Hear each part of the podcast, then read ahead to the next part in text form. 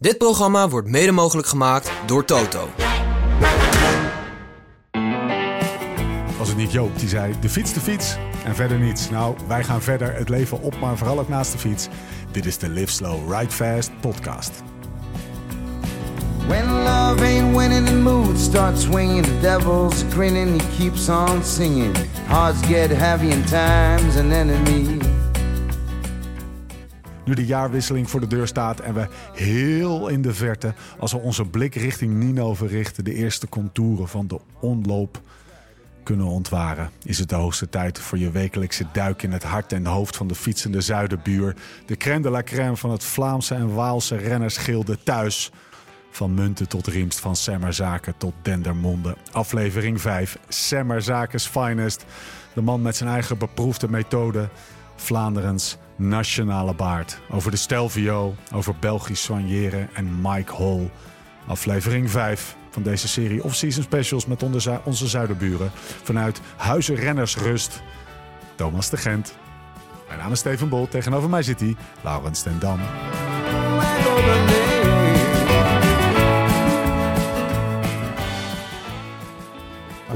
Ja. waar zitten we dit voorgesprek op de podcast met niemand minder dan Thomas de Gent op te nemen? Want dat, eh, dat, dat vraagt wel even wat In de zeer, uitleg. wacht even, dan moet ik ja, in de zeer gewaardeerde Italiaan La Bofino, een linkeroevertje Antwerpen, waar we net het voorgesprekje met Mathieu hebben opgenomen.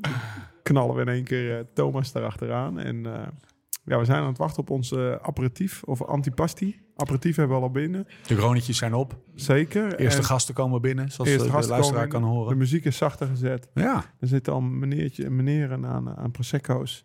Ja. Het is, eh, het is lekker toevieren. We zijn aan het wachten op Florian Vermeers. En eh, we moeten ook nog even een functioneringsgesprekje doen met, eh, Ja. met, met onze grap hier. En een En voorgesprek dat met gaat helemaal Thomas goed van, van de podcast met Thomas de Gent. Het, het, het, kan, alle, het kan alle kanten op. We gaan, we gaan het over het gesprek met Thomas de Gent hebben. Want wat hebben we, wat hebben we werkelijk waar? Wat was dit? Wat, dit was Ja. echt een heerlijk gesprek. Eerst even wat huishoudelijke mededelingen. Ehm, als jij naar lsrf.cc gaat Ja. en je bent een, een laten we zeggen, iemand die twee keer per week buiten fietst. En je eigenlijk nu een beetje uit het veld laat slaan door het kloten weer buiten. Ja. Eh, het ragout stroomt door je aderen. Je hebt net kerst gevierd. En je moet wel fietsen. En je- en je kilootjes weet- eraf. Amsterdam Gold Race komt eraan. Zou en ik, je hebt een beetje moraal zou ik een nodig. beetje alle Jan Ulrich altijd mijn winterdrift eraan doen? Ja, toch? Het zweet je eruit. Als die zijn kilootjes weg moesten, dan, dan reed hij altijd met zo'n telecom thermojack aan. Weet je wel, zo'n plofnikov. 200 sigaretten per dag. Ja, Ja. precies. Nou, nou ploft onze winterdriften niet. Maar je kan wel altijd blijven fietsen. En merino sokjes ben ik ook wel eh, fan van. 5 tot 15 graden shirt kan ook altijd. Heb je wel eens meer aangehad dan het, het, zeg maar het winterondershirt en de Winterdrift. winterdriften? En dan Misschien als het alleen niet bij regent? een bikepack. Nee, misschien alleen bij een bikepack tocht Ja. of zo. Maar normaal is het winterondershirt, winterdriften, dat is tot eh, Ja. min 10 goed. Als je dan koud hebt, moet je harder fietsen. Nou ja, ja, dat denk ik wel, ja. lsrf.cc. Dus het eerste kwartiertje kan je het koud hebben, maar rij gewoon een beetje Ja. door. En als je zeg maar ruim boven de 200 zit, krijg je nooit koud. Gaat dat checken. lsrf.cc. Gesprek met Thomas. Ja. Het huis van Thomas was een soort ehm, eh, toonbeeld van Belgische eh, rennersrust. Ik heb Ja. het ook huizenrennersrust genoemd. Oh ja. Wat een heerlijke sfeer. Lekker? Wat een rust. S ochtends trainen in de, in de shit weer. Dus thuiskomen in de zetel met het houtkacheltje aan. En gewoon niks. Voor de rest even helemaal niks. En eh, ik vond het ook wel mooi dat hij... Wat vertelde hij nou? Hij, hij- hij- vijf bakken bier doet hij twee, twee, Ja. twee jaar mee. Ja. Dus dat is met vijf kratten twee jaar. Dus Ja. dat is met 120 biertjes twee jaar. Ja. Nou ja, dat is twee, Ja. één biertje per week. Hè? Toen- Maar ja. ik denk wel dat in de winter de frequentie wat groter zit. Dus eh, Thomas werd van tevoren een beetje neergezet van als de grote bierdrinker. Maar Ja. dat is echt met dezelfde maat als waarmee ik het deed. En eh, ja, vond ik mooi om te zien. Eh, ja, methode de Gent gaat het luisteren. Kon hij, kon hij goed uitleggen, hè, die methode. Ja, Gent. toch? Ja, ja, ja. ja, Was echt, maar het is voor hem wel gewoon gesneden koek. Ga je gewoon even dit doen. Maar dat is niet zo gewoon. Alleen dat is natuurlijk met die toppers.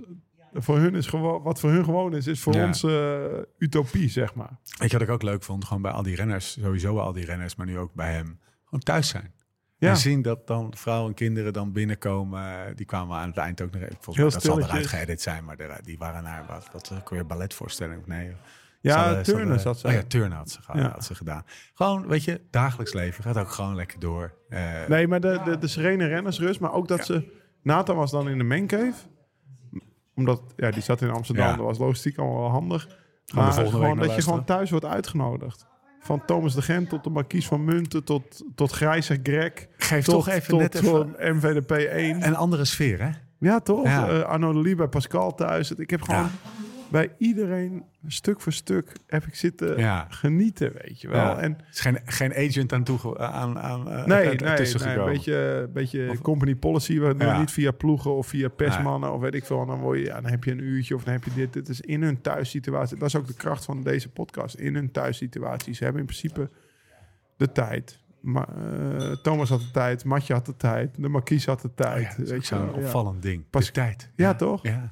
En, en, Rust. en dat is gewoon wat, wat, wat, wat, wat, ik zo leuk vind aan het opnemen van deze gesprekken. En voor je het gevoel heb je nu vijf of zes, ik weet niet wat je net in dit zei, maar Ja. eh, Nou, zes afleveringen dus. vrienden. Ja, gesproken. erbij. Ja, Ja, en toch? erbij ook. Ja. En dat is gewoon wat het mooie is aan, aan, aan wat er komt en wat er nog gaat komen. Want. Nathan komt nog. ja. Klap op de Ehm, vuurpijl. Ja, de klap op de vuurkel, die gaat, die gaat nog komen. En dat is het mooie van deze serie. En ik ben heel blij en dankbaar dat we die hebben mogen opnemen. En ze hebben allemaal een plekje in je hart gekregen, die jongens. En Ja. eh, ze, ze werken allemaal knijterhard. En eh, veel plezier weer met luisteren naar Thomas, zou ik zeggen. Aflevering 5 van Dossier België. Ons gesprek met niemand minder dan Thomas de Gent. Maar eerst hebben we nog een kleine verrassing in petto van onze eigen Jimmy Boy. Zullen we meteen ter zake gaan? Graag. We hebben een podcast opgenomen over Frequency First. En als ik even zo vrij mag zijn, dan was eh, dat de podcast waar ik ben nog nooit zo blij geworden van een podcast. Want de conclusie was, en corrigeer me als ik het verkeerd heb. En voor de luisteraar, we komen zo tot ons punt hoor, maar we, we bouwen hem even langzaam op. Je kan beter drie keer 20 minuten gestructureerd, intensief, blokjes eh, fietsen per week dan één keer Dan? zes uur. Eh, ja, ja, ja, ja, ja dat, het is hè? hangen, dus dat is al een heel goed teken. Geef even een beetje context. Ja, nou, we hebben een podcast opgenomen ehm, die eigenlijk uitlegt waarom frequentie zo belangrijk is. Of anders gezegd, we hebben, e- we hebben, we hebben heel veel podcasts opgenomen en dan hebben we uitgelegd, nou, je, hebt- je hebt drie knoppen om aan te draaien. Frequentie, intensiteit en volume. Ja, En we hebben eigenlijk ook eerder gezegd, ja, die, die knoppen, al die drie die knoppen, die zijn even belangrijk. ja. Dit was, dit was aflevering 1, hè? Consistentie ongeveer. Ja, maar die gaat dan wel over al die drie knoppen Ja. tegelijk. Hè. Later zijn we over bijvoorbeeld, eh, nou, wat, zijn de, wat zijn de ingrediënten voor een trainingsschema of überhaupt van een training. En, en nou, we hebben uitgelegd, al die drie knoppen die zijn even belangrijk. En, en eigenlijk zijn we in, in deze nieuwe podcast daar een beetje op teruggekomen. En hebben we eigenlijk gezegd, ja, of nou ja, leggen we uit Ja. Eh, waarom frequentie het belangrijkste is. Is, heb, heb je dan ineens een artikel? Is er een nieuw onderzoek of zo? Of heb je een artikeltje? Of is dit wat in de ploeg eh, nee, het is, het is meer... eh, het voelde gewoon beter. voel, voel gewoon beter, ja.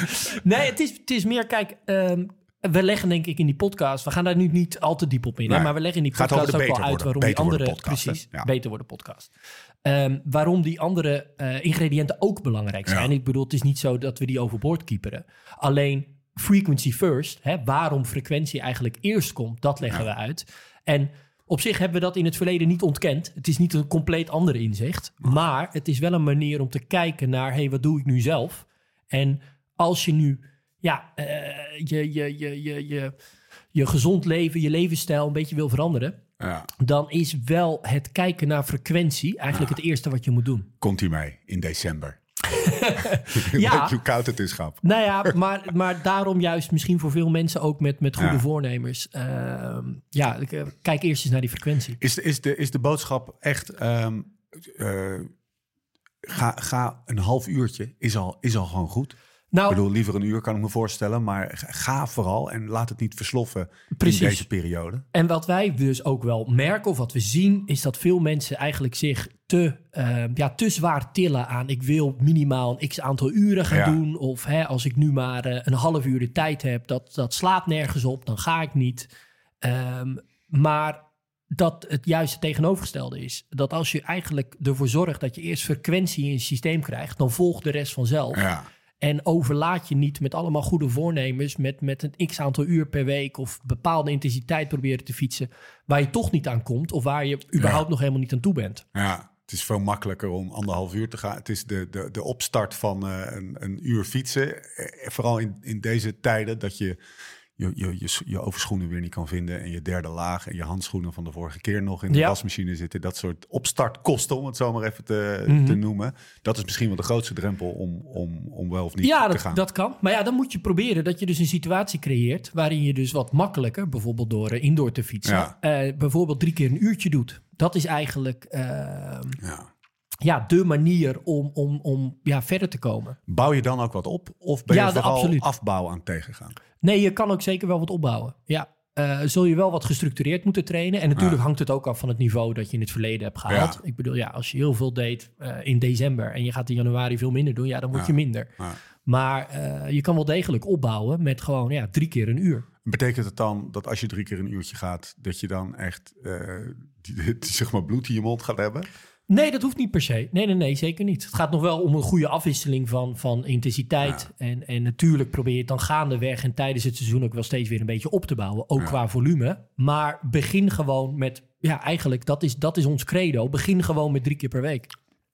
Oké, eh, het is december en eh, je hebt gedacht, ik, ik, ik, ik plak hier meteen een leuke, leuke actie aan. Precies. Met de joints, hè? Ja, nou ja, het eens was niet helemaal mijn idee, maar Ja. bij andere mensen bij Join. Maar het is wel een Klasse. verdomd goed idee. Ja, Ehm, dus we, we organiseren een Strava Challenge eh, vanaf 1 januari. Ja. En daar kan je je op dit moment dus voor inschrijven. Dus als je op Strava komt, dan zie je daar de Join eh, Frequency First Challenge Ja. klaarstaan. goede naam hoor. Ja, toch? Ja, klasse. En als je daar op inschrijft, dan word je eigenlijk aangemoedigd om de eerste twee weken van januari drie keer per week te fietsen.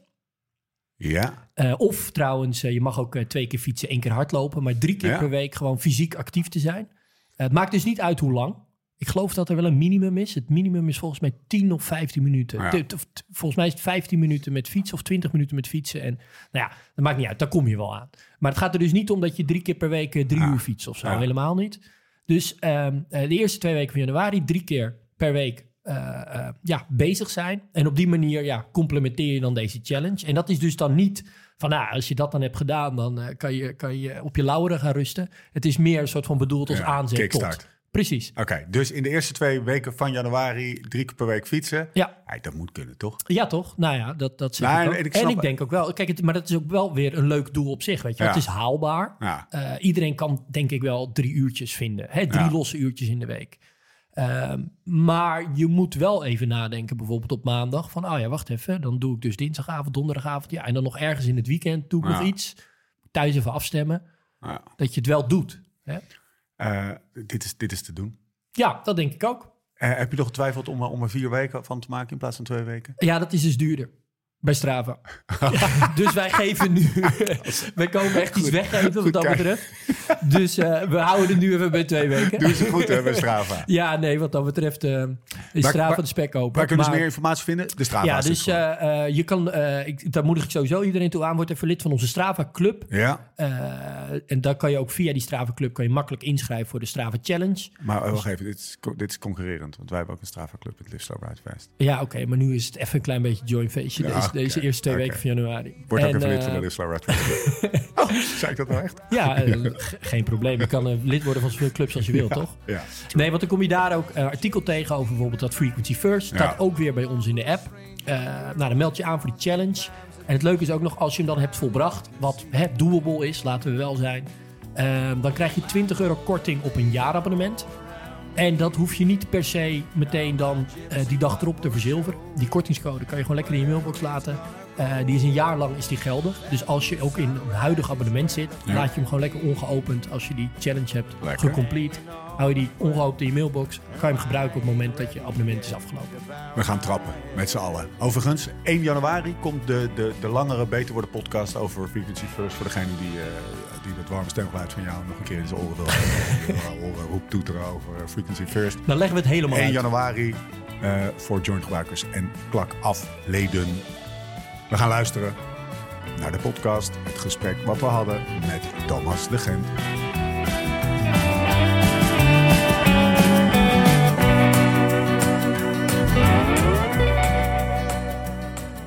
Lau, Ja. eh, dinsdag 28 november. 14 uur 35 zie ik hier even op mijn telefoon, die ik nu wegleg. Daar zijn we nou weer, man. op we nummer 11 in ieder geval. Op nummer 11, ja. Van, en nou, de straatnaam zou ik eigenlijk niet weten per se. Maar eh, in Semmerzaken, Ja. Maar dat? eigenlijk best wel... Nou, waar ligt dat? Ik vroeg net aan de heer des huizes... eh, hoe ver is nou fietsen van Oudenaarde? Dat is een half uurtje rijden. Eh, het is twee kilometer van, eh, van het huis van, eh van Kampenaerts. Waar, wat ik wel eens aan heb gewezen zien worden... door, door, door de polderpubers... als we Ja. langs het kanaal van Gent naar, naar Oudenaarde aan het fietsen Ja. waren. Dus het ligt eigenlijk aan de route tussen Gent en Oudenaarde in. Dus eigenlijk dicht bij de Vlaamse Ardennen. Eigenlijk. Ja. Ja, eigenlijk voor, voor mijn gevoel middenin. Ja, precies. Wij komen uit Nederland rijden. Dan, rij je echt een soort padleefland in, zeg maar. Zoals het al een beetje... Maar dat is dus niet alleen padleefland. Want het is, Lau, waar zijn we? Bij wie zitten we aan En tafel? we zitten bij Thomas de Gent in, in zijn woonkamer, ja. We Als- hebben anderhalf uur, want om vier uur eh, Ja, hè? komen er twee, eh, twee druktemakers thuis. Dus, eh, maar tot nu toe hebben we de sirene rust te pakken. Een van de meest aangevraagde afleveringen ooit. Op de een of andere manier. We kwamen er ook achter dat jullie zo lang hebben samengereden. Maar Ja, wel in hetzelfde peloton, maar nooit op dezelfde plaats. Nee? Nee. er werd net vastgesteld dat eh, het vijf minuten voorgesprekje... We komen hier zeg maar een kwartier geleden binnen. Vijf minuten voorgesprekje wat, wat, wat we nu hadden... was het langste wat jullie ooit met elkaar zeg maar, in rust gesproken hebben. Ja, we zijn ook twee vo- volledig andere type renners. Ja. Een Meer uh, klassementsrenner en ik zat dan oftewel achter een peloton, oftewel ervoor te rijden. Ja. Dus dan komen we elkaar ook niet zo heel veel De tegen. methode Maar- de komt meteen al te sprake. Lau. Nou, we hebben wel een keer samen ervoor gereden. Ja? Ja, in, eh, in 2016 de Ronde van Catalonië. Dan Zaten we de- nadenken. Ja, dat was Neem ons eens even Volgens mij is dat die rit dat Wening ook vooraan zat mee. En volgens mij heb je een dag... Ik was toen niet goed, want ik, ik, ik kwam toen uit Californië, eh, Parijs-Nice. Of ik, had, ik, had, nou, ik woon in Californië, ik kwam naar huis voor Parijs-Nice en Catalo- Catalonië. En eh, ik weet nog dat we zaten in zo'n bergrit, zaten we samen in, in koers. En Thomas, die won die rit volgens mij. Want jij haalde Pieter twee kilometer voor de meet in of zo. Of Ja. echt heel kort op de meet. Was het Valter? Of iets met 2000 in de naam op het eind of niet? Nee, nee, nee, nee. Het is is een volledig andere klim. Portenay. Port, oh ja, die, een hele lange klim Ja. in ieder geval. Ja, echt een van de klimmen die één keer in de twee jaar terugkomt. Dus Thomas die heeft 13 keer Catalonië gereden, denk ik. En ik ook, dus eh, we kennen hem wel. En ik weet nog, een dag later zei Thomas tegen mij... Ja, ik zat in de kopgroep en ik was een beetje aan het rondkijken. En ik dacht, nou, voor die lauwe... Maar ik zei, nou, voor mij hoeft hij nu niet bang te zijn. ik hoop jullie wel, maar eh, het was niet veel. Maar ja, daar hebben we dus nog een keertje samen voor mogen rijden. En in, eh, in de Tour ook nog wel een keer, denk ik. Maar daar, daar heb ik van dichtbij mogen aanschouwen... wat voor motor er in die gozer ligt tegenover ons. Ja, hè?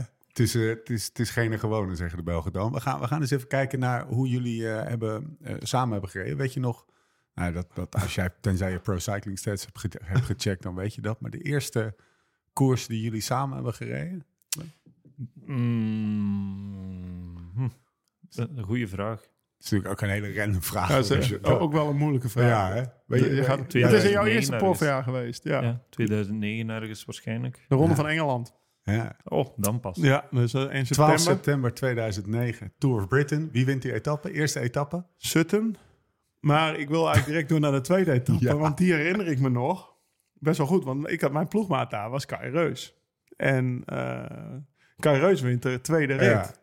En eh, we zitten net in de auto. En we zitten dan Pro Cycling Stats door te, door te bladeren. En ik zeg, wat werd Thomas eigenlijk in die rit? Want volgens mij zat hij met Kai mee. En toen ben je dus achter het peloton gefinished. En toen, ja, wij waren bezig, volgens mij... Want Kai won dus de rit in de ontsnapping met Thomas de Gent. Ja. In zijn eerste profjaar. En Tanau Kangert, die zat er ook mee. Ze waren met z'n drieën weg. En dat, ja, eh, Kai Reus, dat is Ja. ook geen gewone. Nee. Die, die kwam toen terug van, van die valpartij uit coma. Of die had in coma gelegen in 2007. Die kwam terug. Ehm het had heel lang geduurd voordat hij weer ging koersen. En eigenlijk de Ronde van Engeland was een van zijn eerste koersen. En dan won hij meteen de eerste rit, of de tweede rit. En je denkt, die is terug. Ja, dat is eigenlijk Weet je deze gelukt. dag nog? Ja, ja, ik weet het nog. Dat was de tweede dag op rij in de aanval. En ik was de hele dag goed aan het doorgeven. En dan op 10 kilometer van de finish had ik een hongerklop. En Ja. Ik Hoe vaak heb je dat gehad in ontsnapping? Dat je een hongerklop kreeg? ja. dikwijls. Maar nu, Oh. was het, nu was het voor de overwinning. Andere keren dan hebben we een hongerklop. Maar de vlucht blijft dan toch niet vooruit. En nu bleef de vlucht wel vooruit. En, Ja. ja. Want hoeveel, heb jij niet vijf keer meegezeten die Ronde van Engeland of zo? Zoiets staat me ook bij. Vier dagen op rij en dan nog eh, ergens een vijfde rit. dat weet ik nog. Ja, wat ik, ja, ik zat natuurlijk in het peloton en dan hoorde je iedere dag in de oortjes... Nou, Thomas de Gent zit er mee en ik ken hem. Ja, een renner van topsport, topsport Vlaanderen. Ja, Toen dat, ook al, dat- denk ik. Ja, Ja. dat is, we, we kennen jou natuurlijk vooral in, eh, in het toernooi van de Rode Lotto, zeg maar. Maar de, de, de, de topsport Vlaanderen, die moest ik op Pro Cycling Stats ook. Twee jaar voor gereden, toch? Ja. Ja, twee jaar. De eerste twee, zoals de meeste Belgen toen. Ja. Eh, De eerste twee jaar bij, bij Topsport. Natuurlijk, eh, als, eh, als al 16 jaar geleden is, niet veel man weet dat nog. Nou ja. Maar meteen, meteen breken we King in, in de Ronde van Engeland. Daar, Drie- hij viel op. 354 dagen hebben jullie samen gereden. Ik denk niet dat er een coureur... Hè, moet, zouden we eens even op moeten zoeken. Maar de- met wie je zo vaak... Volgens mij het zat- meeste met Monfort. Ja? Uit, ja, dat, dat heb je volgens mij een keer opgeleverd Ja. toen ik stopte met koersen. Ja. Jezus Maar dat, nou, Thomas zal ook in de top 10 staan. Ja, veel Dat het- grotere rondes. Dat dikt, dat dikt snel aan. Ja. Mannen, wat, eh, wat, eh, wat drinken we? Dat was even een ding, hè, Lau? Nou, dat En was dan hebben we het niet ding. over de, over de wijn. Nee, nee, nee. We zijn bezig met de, met de België tapes. En dan, eh, nou ja, ik, wil, ik vind het vervelend om met lege handen aan te komen. Dus eh, we hebben hem al in een, Hele huis, we hebben hem al in een huispak gestoken. en eh, nou ja, ik weet van... Ik denk dat Florian het vertelde, Florian Vermeers. Of Pascal Eenkhoorn, een van zijn twee eh, ploegmaats die we, die we, waar we con- close contact mee hebben. Dus die weten dat de AP 12 We is hebben, in- we inlichtingen, dus wees gewaarschuwd. Ja, Abt 12. Gerardus Ja. Abt, voor de mensen die het niet kennen, dat is die kale man op, de, op dat blauwe etiket, zeg maar. Zo'n kale monnik staat erop, denk ik. Ja. Eh, dat is Thomas' zijn favoriete bier. En eh, wij zijn nog eventjes eh, net bij eh, Bier Authentiek in Breda lang, langs gereden op de heenweg. Om, om, om wat quadruppels te halen, voor de, om een proeverij te doen. Zodat we misschien dat bier van de troon kunnen stoten. Dat gaat niet lukken waarschijnlijk, maar... We zijn hier aan de Saint-Feuillon. Dat, die, doet, die, die, Zoet, hè? die is zoet. Die is, die is- Ja. de abt is beter. Hè? De abt is trouwens ook... De Veel mensen kennen West Vleteren 12, Ja. denk ik wel. Nou Ja. ja, dat is alom gezien een paar jaar op rij... het beste bier van de wereld uitgeko- uitgekozen... in een of andere bierverkiezing. Ja. Abt, ah, correct me if I'm wrong... dat is volgens mij hetzelfde recept.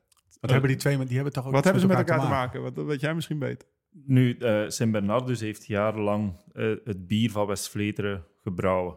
En dan, als dat contract afliep en eh West-Vleteren ging het terug zelf doen, hebben zij gewoon op hetzelfde recept verder gedaan. Alleen gebruikt het een eh, stadswater en het andere gebruikt grondwater. En dat is eigenlijk zo goed als het enige verschil. Dat is het enige verschil. Het recept is hetzelfde, alleen het water is anders. Mm, Ja, toch zeker voor 95% hetzelfde. Ik weet niet of dat al 100% hetzelfde mag zijn, want ja, copyright en zo. Ja. Zelfs bij de monniken telt dat. Ja, dus, De moderne monnik. dus Bernardus brouwde eigenlijk in licentie voor West Ja. Ja, en nu, nu doen de monniken het daar weer helemaal zelf. Ja, maar dat is al, dat is al van 30, 40 jaar Ga je daar wel eens naartoe, naar Westvleteren, om een paar Ik ben- bakken te halen? Ja, ja, ja. Hoe werkt dat ook alweer? Dan moet je op inschrijving, is dat toch? West-Vleteren, ja, dan moet, eh, je moet je nummerplaat ingeven, geloof ik. Ja. En dan eh kun je zo dat wel gaan halen.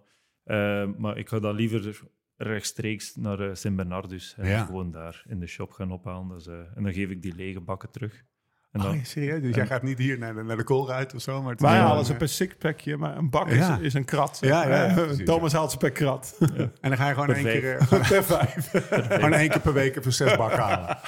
Nee, ik, ik zit nu juist eh, op het einde van mijn vijfde bak, dus ik moet ze eens terug gaan inwisselen. En dat doe ik ongeveer twee jaar mee met vijf bakken. Ah, Oké, een. Dus dat, eh, dat, is, dat is... Heb je een soort... Ik weet dat Lau, dat vertelt hij ongeveer elke podcast zes keer... dat hij een 3000 kJ-regel heeft. Waarbij als hij 3000 kJ verbrand had... want dat is nu... eh, nu is dat 500 kJ geworden. Ondertussen een renner in rusten. Ja. Semi-rusten. Ehm, eh, dan, dan mocht hij een, eh, een, een triple... of wat nam je dan Ja, dan nam ik...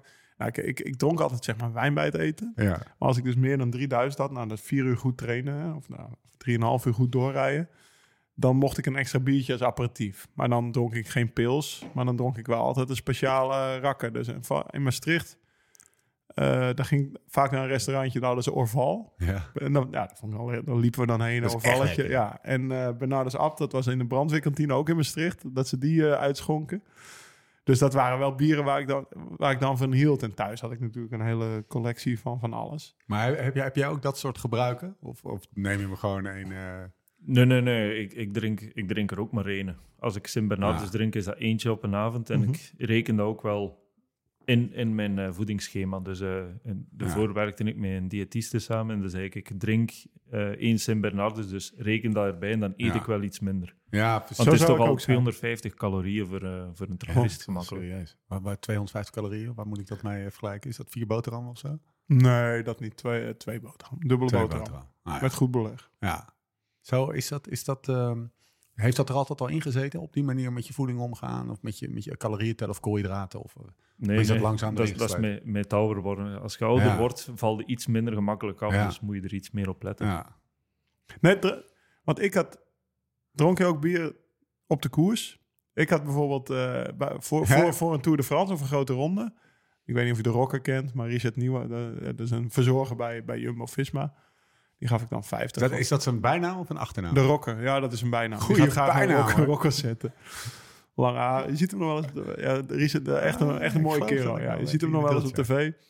Maar die gaf ik dan 50 euro of zijn. Dan zei ik, haal, eens, haal, haal, haal een paar, paar trippels, weet je wel. En als ik een keer behoefte aan heb, dan kom ik wel op de kamer kloppen. Gebeurt dat nog? Als ik, dan op, als ik dan op mijn bek gegaan was, dan wist hij het al. Nou, hij staat klaar. Hè? Kreeg ik al een. Ja? Ja, dan Klasse. onder de schaafwond. En dan dacht je, pff, Was hij weer op zijn bek gegaan? Ja, de, de verzorgers en de, de mechaniekers die moeten zelf een, eh, een drank kopen. Dus Ja. eh, als het alcohol is, is dat Ja. niet in de prijs inbegrepen bij de, bij de ploeg. En dan eh, af en toe geven die gewoon eens wat, wat geld voor de, voor de pot van de verzorgers. Maar dan lukt dat ook wel om een zak chips of eh, een trappistje erbij te krijgen. Ja, maar dat, dat, als we dan toch de inlichting maar eventjes eh, gaan, eh, gaan aanspreken. Zakje chips.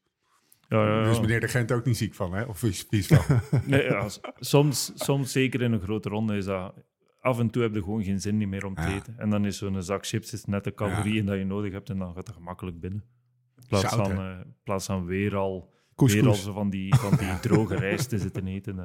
Maar snap je wel eens dat, dat, er, dat er renners zijn die dat... Ik, ik kan hier zo in inleven. Op een gegeven moment wil je gewoon... Je altijd dat verhaal van eh, Tom Dumoulin, de Giro. Dat die, weet Ja. je wel, wat wil je nu eten? Ja, gewoon pannenkoeken of pizza. Wat zei hij? Pannenkoeken of pizza? ja, dat was... eh, Op een gegeven moment wil je toch even iets hartigs of zo. Die dag had hij een machine. die dag had hij zo'n roze trui verloren. Oh ja. Dat was die dag dat we achterin het peloton aan het ouwe waren geweest. Ja, zeg maar. kan door jou, hè? Ja, was, want jij nou, was met hem het ouwe hoeren. Nee, maar nou in ieder geval, dat hebben we wel eens verteld. Maar die had dus een roze trui verloren. En hij kwam daar over de meet. Het was de achttiende rit van de Giro of zo. Ja. Oké, en dat was voor het eerst dat we met een diëtist en een voedingsdeskundige echt die personalized plays hebben. Dus die had, hij kreeg echt zo'n bak vol couscous. Best wel, ja, met, met wat ik veel tomaatjes. eh, Ja, ja, gewoon. wat je even niet wil. Wat, oh, hij smeet dat bijna door de bus. Ja. En ik was helemaal in de stress. Want ik dacht, die jongen moet eten. Net zoals wat jij. eh, ja, en op een gegeven moment moet je. Het maakt op een gegeven moment. Niks eten is slechter dan een zak chips eten. Ja. Nee, dat is gewoon zo. Ja. Ik zeg, joh, be- bel die jongen een pizza. Weet je, of de, ik, zag, ik was al naar die pizzeria. Nou, haal daar pizza's. Want, eh, en uiteindelijk eh, nou, werd, kreeg hij Haribo en chips en zo inderdaad ook. Want hij wilde gewoon niet meer dat... Die, en hij was natuurlijk ook teleurgesteld. En Ja. hij krijgt er een beetje minder makkelijk in. Maar ik bijvoorbeeld ook de, de M&M's. Die eet jij ook graag. Maar die, de eerste keer dat ik dat... eh, dat is, dat is best wel oldschool nog. Maar de eerste keer dat ik dat zag... de reed ik voor Bank Giro Loterij. Welke trouwens? De blauwe, de gele? De, de Oh, dat waren gewoon gele. Ja? Ik weet eigenlijk niet wat jij... Jij ook geel? Met pinda. Ja, Ja, ja. gele. Classic. Ehm Allan Johansen. We- Dat was nog... Toen ik prof werd, had je nog op zaterdag de E3-prijs... en op zondag de Brabantse Pijl. Dat was de week voor de Ronde van Vlaanderen... en dat was zeg maar de laatste keer Ja. echt gewoon goed. En dan eventueel reden pannen nog... maar als het goed was, dan hoefde dat niet meer. En toen, ik hoefde dan alleen als neootje de Brabantse Pijl te rijden. Dus ik kwam daar zo in het hotel hier, Nazareth aan, dat is vlakbij. Dan zijn we, er, dan zijn we eraf gegaan. En daar lag Allan Johansson, die had E3-prijs gereden. Die lag daar op zijn bed, die lag daar toch zo'n 400, 400 gram zak M&M's echt te. Maar hij was nog even naar het tankstation gelopen om dat op te halen. Het tankstation naast. Ik zeg, wat doe jij nou? Ik zeg, nou, zegt hij, ik heb vandaag een klassieker gereden. Ik moet morgen weer een klassieker rijden. Ik moet, er moet nu gewoon suiker in en vet. Dus dat lag hij gewoon op zijn bedje weg te kanen. Nou ja, dat is... eh, Maar kan je je voorstellen dat er renners zijn die dat, die dat niet doen? Die alleen maar jonge gasten, kan ik me voorstellen. Dat, dat, is toch, dat staat toch ver van je bed op een gegeven moment. Ja, maar misschien durven die gewoon nog niet is- hun eigen, hun eigen ding te doen. Want ja, de, de, Ja. ploeg bepaalt eh, hoeveel dat er getraind wordt, hoeveel dat er gegeten wordt. Je hebt de specialist voor alles. Ja. En eh, die jonge gasten die durven gewoon nog niet zelf na te denken van wat, wat wil ik zelf nu Ja. eigenlijk doen. En is- ik volg ook eh, die schema's en zo. Ik krijg die niet, maar ik, eh, ik volg de schema's wat die andere mannen doen. van voedingsschema's. Dus s'avonds de kok die bereidt lekkere gerechten voor en geet dat gewoon op. En je ziet, je ziet wat dat de rest ongeveer op een bord schept. En ik doe dat dan een beetje na. Maar als ik geen zin heb om dat allemaal op te eten, dan doe ik gewoon Ja. iets anders. Maar heb jij op een gegeven moment gezegd, gasten, alles leuk en aardig. ik, ik win drie keer per jaar of vijf keer per jaar voor je. Maar ik ga niet die, die voedingsschema's volgen. Hoe werkt dat? Heb je daar een soort van status apart in? Of heb je dat een beetje verdiend? Nee, nee, maar ik, ik volg soms wel de voedingsschema's. Maar ik heb dan een eigen diëtiste die Ah, ik ja. zelf betaal, zodat ik die Ah, ja. eh, ook een beetje kan aansturen. Van ik wil dit niet, ik wil dat niet. Terwijl dat die van de ploeg, die hebben zoveel renners onder hun, eh, onder hun hoede, dat dat niet meer heel persoonlijk is. Ja. Wat doet hij anders dan? Gewoon even, wat is dat puur? Zijn dat, is dat andere, andere etenswaar, ander voer? Nee, dat, is gewoon toevallig. eh, die, die was eh diëtiste bij ons eh, bij de ploeg en jaren geleden. En niet iedereen was er even content over, maar ik wel. En ik vond net dat ik heel goede resultaten haalde. Dus mijn gewicht ging voldoende naar beneden zonder krachtverlies, al die Hmm. dingen.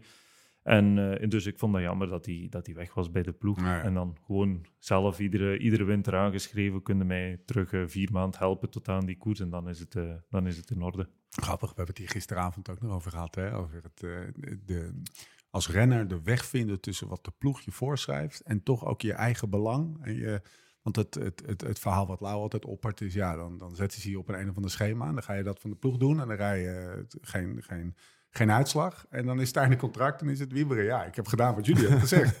dus dat is een beetje de, de, Ik snap het, heft jou. eigen, het heft zijn eigen hand. Ik snap ook Nathan die zegt van ja, de, de ploeg. Want eh, ik, Nou, ik snap ook of een gisteren ploeg, zeg maar. De, de, gisteren hebben we met Nathan gepraat, maar ik snap ook een ploeg als bijvoorbeeld de DSM of, of Jumbo die zegt ja, wij willen dat jullie dit, wij denken dat dit het beste dieetschema Ja. voor jullie is, dus wij willen dat jullie dit volgen. Alleen ik zou dan voordat ik dat me daar 100% aan committeer, toch ook wel iets van een zekerheidje willen hebben Ja. van oké, maar dan teken ik nu wel voor drie jaar. ja. toch? Want Je kunt altijd proberen in je eerste contractjaar en dan als het niet werkt, kun je terug Ja. naar het oude gaan natuurlijk. Maar het is, eh, het is niet gemakkelijk om zomaar iets te veranderen als je iets gewend bent. Die jonge gasten Ja. die zijn nog niks gewend, dus die gaan er gemakkelijk in mee. Maar Ja. ik kom uit een, eh, uit een andere tijd en dat was eh, tien jaar geleden was er geen diëtist en trainer was ook maar iets dat Wij zijn- toe werd in die ronde van Engeland zijn wij nog knijterhard op stap geweest in Londen. Ja, Ja, want was jij erbij? Nee, nee, nee, nee, nee, maar gewoon met de ploeg. Want Dat was wel mooi dat jij had gezegd. Ja, dat was ik ook bij Lau. nee, van tevoren hadden wij een afspraak. Als, als er een rit gewonnen wordt, de laatste rit altijd Londen, Londen, zo'n zo'n criterium daar langs de, langs de Theems. Ja. Als er een rit gewonnen wordt, mochten we zaterdagavond op stap. En eh, toen zijn we daar nog op stap geweest. Maar dat, dat is als je het hebt over andere tijd. Ja, dat kan je nu, dat, dat kan je nu niet meer voorstellen. Dat, dat je die afspraak met een ploegleider... Erik Dekker was ploegleider. Erik, als we winnen mogen we op stap. Ja, is goed. Dan ga ik met jullie mee. Weet je, dat kan je nu niet meer voorstellen. Maar dat was wel mooi. Ja, misschien in, eh, in oktober die koersen, maar eh, tijdens het seizoen, nee, dat gebeurt niet meer. Zullen we eens even teruggaan naar die, eh, naar die oude tijd en onze, onze gast. Hebben we dan alles gehad? Ja, geloof het wel. Even, even introduceren zoals we doen gebruikelijk. Sint-Niklaas. 6 november. Jij denkt, wat gaat hij nou doen? 6, 6 november 1986. Wij da ik dacht dus vooral, die jongens van onze leeftijd. Hij dacht dat je 43 was. 79, 80. Ah, omdat je al zo lang rondrijdt. Maar het is gewoon 86. Ah, Ja. Eigenlijk nog een broekie, Thomas. Net, net 37 geworden. Ja, man. Ja. Ehm, prof vanaf 2006, zeg ik dan even, omdat je toen bij Davo begon. Zeg ik dat goed? Ja. Ik geloof het wel. Hè? Kwam vervolgens via Topsport Vlaanderen, Vakant Soleil en een jaartje Omega Pharma Quickstep. Eh, in 2015 terecht bij de Rode Lotto. 17 overwinningen als prof. Wint etappes in alle grote rondes. De nummer 3 van de Giro van 2012 heeft standaard 50 watt extra als hij in Catalonië rondrijdt. Wint nooit klein, altijd groots. De schorpioen van Semmer Zaken. De, een Mohicaan en misschien wel de laatste. Welkom in de podcast, Thomas de Gent. Eh, Catalonië. Stelvio heb ik genoemd. Maar ik wil nog heel even terug naar... eh, van al die ploegen die ik noem. hè. En Lo- Lotto daar zit je nou heel lang. Maar ik heb eens even het rijtje vakantieleirenners erbij gepakt. Dat is wel genieten hoor. Ik, ik, ik doe eens eventjes om jouw eh, herinnering weer een beetje, een beetje aan, te, aan te zetten. De Volder. En Johnny. Marcato. Jens Maurits.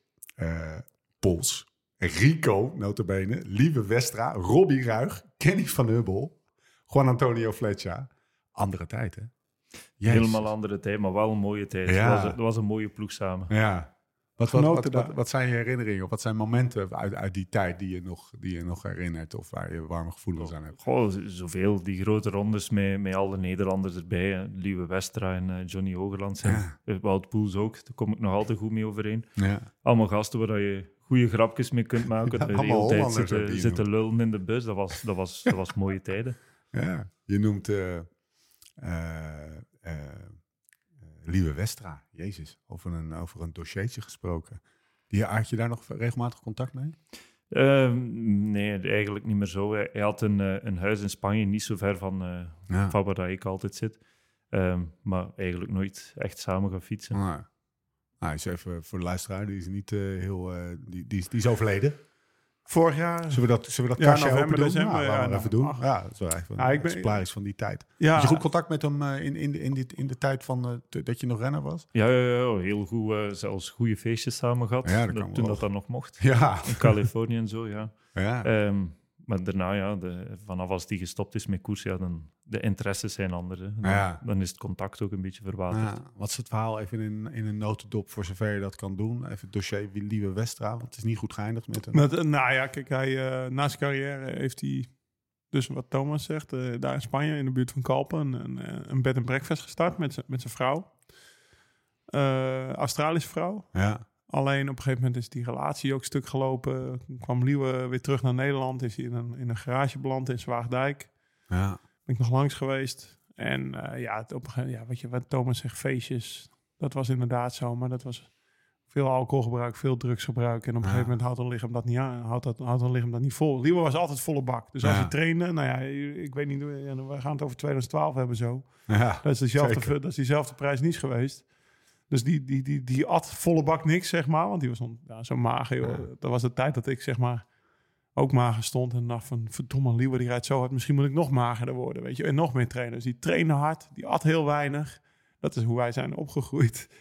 En, en, en, en als, hij, als hij dan op stap ging, dan, dan nou ja, wat, wat Thomas net zegt, dan was het ook volle bak, goede feestjes. En dat is met alles geweest in zijn lichaam. En op een gegeven moment eh, houdt iemand dat niet vol natuurlijk. En eh, nou ja, dat is een tragisch, eh tragisch einde. Ja.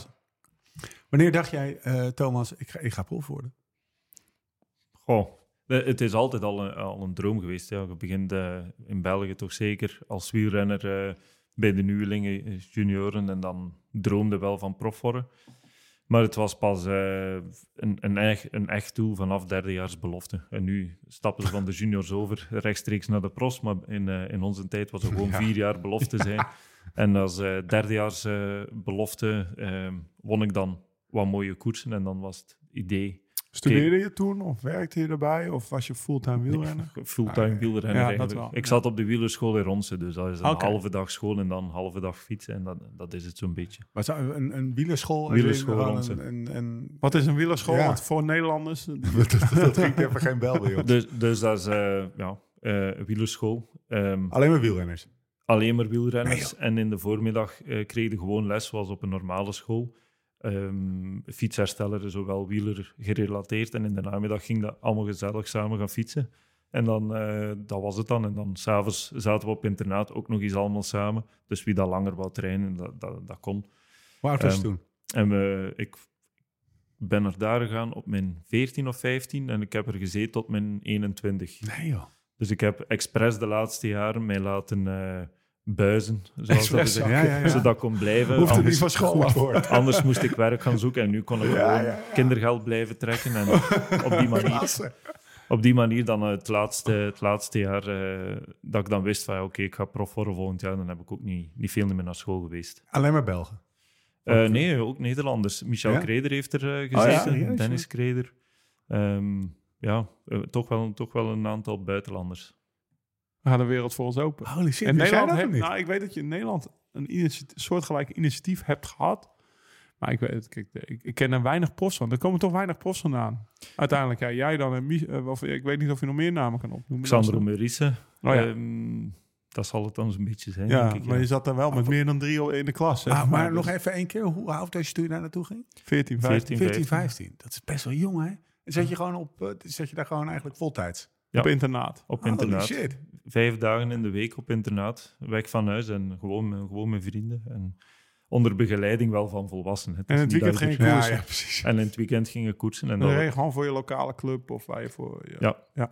Niet voor de schoolclub. De school nee, nee, geen nee, nee, nee, gewoon, gewoon ieder had zijn eigen ploeg. En eh, je ging gewoon samen trainen, dat was het dan.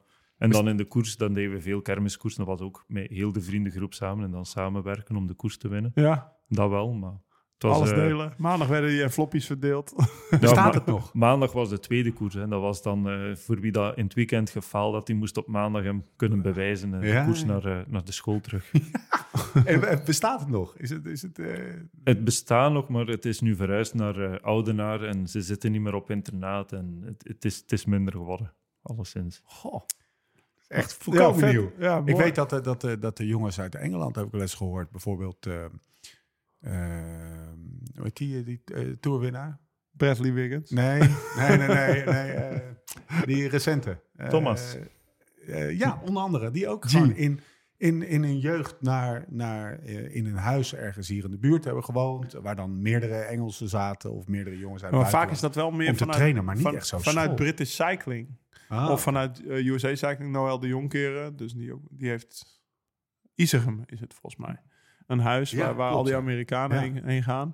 Maar dit is meer echt een, ja, dit is echt een school voor Belgen. Nou, mooi. Echt wereld Maar dan, je kan je wel zeggen dat de jongensdroom... eh Had je eigen kamertje daar? Uitkwam. Een klein, klein kamertje. Heel, of, eh, heel klein. Of een slaapzaal of zo. Als ik, als ik zo deed met mijn armen, Ja. dan kon ik de twee muren raken. En eh, ja, er zat een bed in en een, een, een wasbak. En dat was het zo'n beetje. Zo, maar best wel een soort van opoffering op die leeftijd. eh. Is het dan zeiken bij je ouders van... dan mag ik alsjeblieft naar die school? Of word je daarvoor geselecteerd of zo?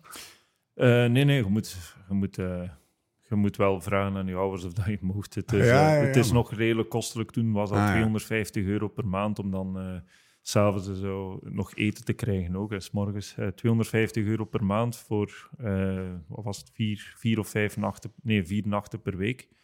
Ehm, maar uiteindelijk, ja, die, het klinkt mooi, wielerschool, maar die diploma's stellen niet. Hè. Dus, eh, ik heb Maar- zogezegd mijn middelbaar eh, diploma niet eens gehaald. Ik Nee. heb middelbaar niet afgemaakt. Dus, eh, Dat is gewoon een heel goed excuus om met je maten te koersen. ja. Ja, ah, klinkt, klinkt, klinkt goed. voor, on- voor ons toen was dat zo, wielerschool, dat is voor de renners die schoolmoe zijn en gewoon Ja. niet meer naar de gewone school willen gaan. Die gingen naar daar.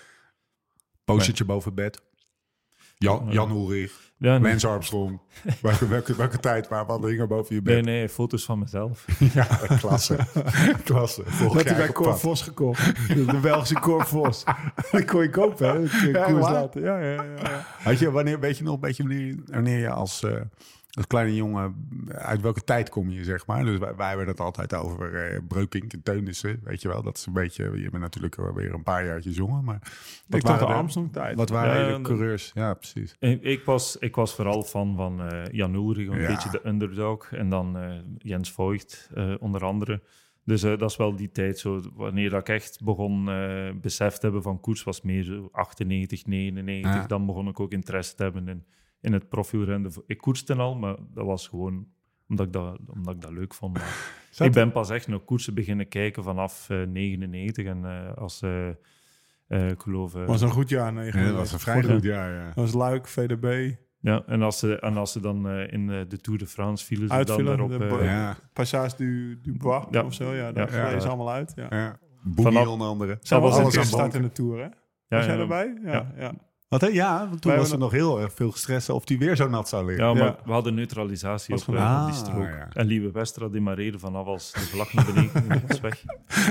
Ja, dat klopt. Dat was de eerste rit, denk ik. Ja, Ja, ga dat nog eens checken. Maar dat, dat was de tour dat Michael Bogart echt wel voor het klassement zou stuk waar. gaan. Ja, Ja, ja, zeker. Ah, triest verhaal. Mooi. Overigens, jij noemt Jens Voigt. Ja, dat Zaten wij net niet... Zaten wij net niet... eh, ja zaten wij net niet... 2012. We zaten in de auto even te YouTuben. Thomas de Gent YouTube. Dan kan die iedereen aanraden. Dan, dan, maak, dan maak je wel even een... eh, Je reed van vakantie, ik weet niet eens. Was dat Parijs-Nice? Rit Zo'n 1? kort broekje, lauw hè? Ja, ja. Hey. Parijs-Nice, rit 1 was je Johnny met broekje. Dat was eigenlijk jouw, jouw held. En je klopte hem. ja. Ja, ik, eh, ik, ik, ik wou even goed doen als hem. Dus als hij een beurt deed aan 50 per uur, moest ik, ik minstens 50 per uur halen. En daarmee, ja, we, we zaten de hele tijd over elkaar heen te gaan en vol, vol. En ik denk dat we daardoor ook wegblijven, gewoon omdat, omdat ik zo'n beurten maakte. En eh, die, die Jeremy Roy, die wist niet goed wat hij het had. Die zat zo mee, mee in het wiel eh, af te zien. Maar Jens Voigt, dat was, eh, dat was al lang een, een, een held voor mij. En ehm, daarvoor had ik al eens een Waalse pijl met hem ook in de ontsnapping gegaan. Gewoon omdat hij 70, 80 kilometer van de finish ging die in de, in de aanval. Dat was een dom moment. Maar ik zeg, ik wil mee. Ik wil gewoon mee in die zijn wiel. En nu in Parijs-Nice was dat dan toevallig ook dat hij achter mij sprong. Ik was voor hem weg. En dat was, dat was eh, heel mooi om hem in, eh, in de vlucht te zetten. En uiteindelijk ja, is het dan voor de overwinning. Mooi. Klasse. Gewoon met je, met je is toch Ja, vet? joh. Steen goed. Heb jij Tien jaar later Heb jij of wel eens gehad? Zoiets?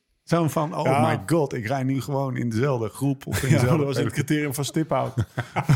was toch...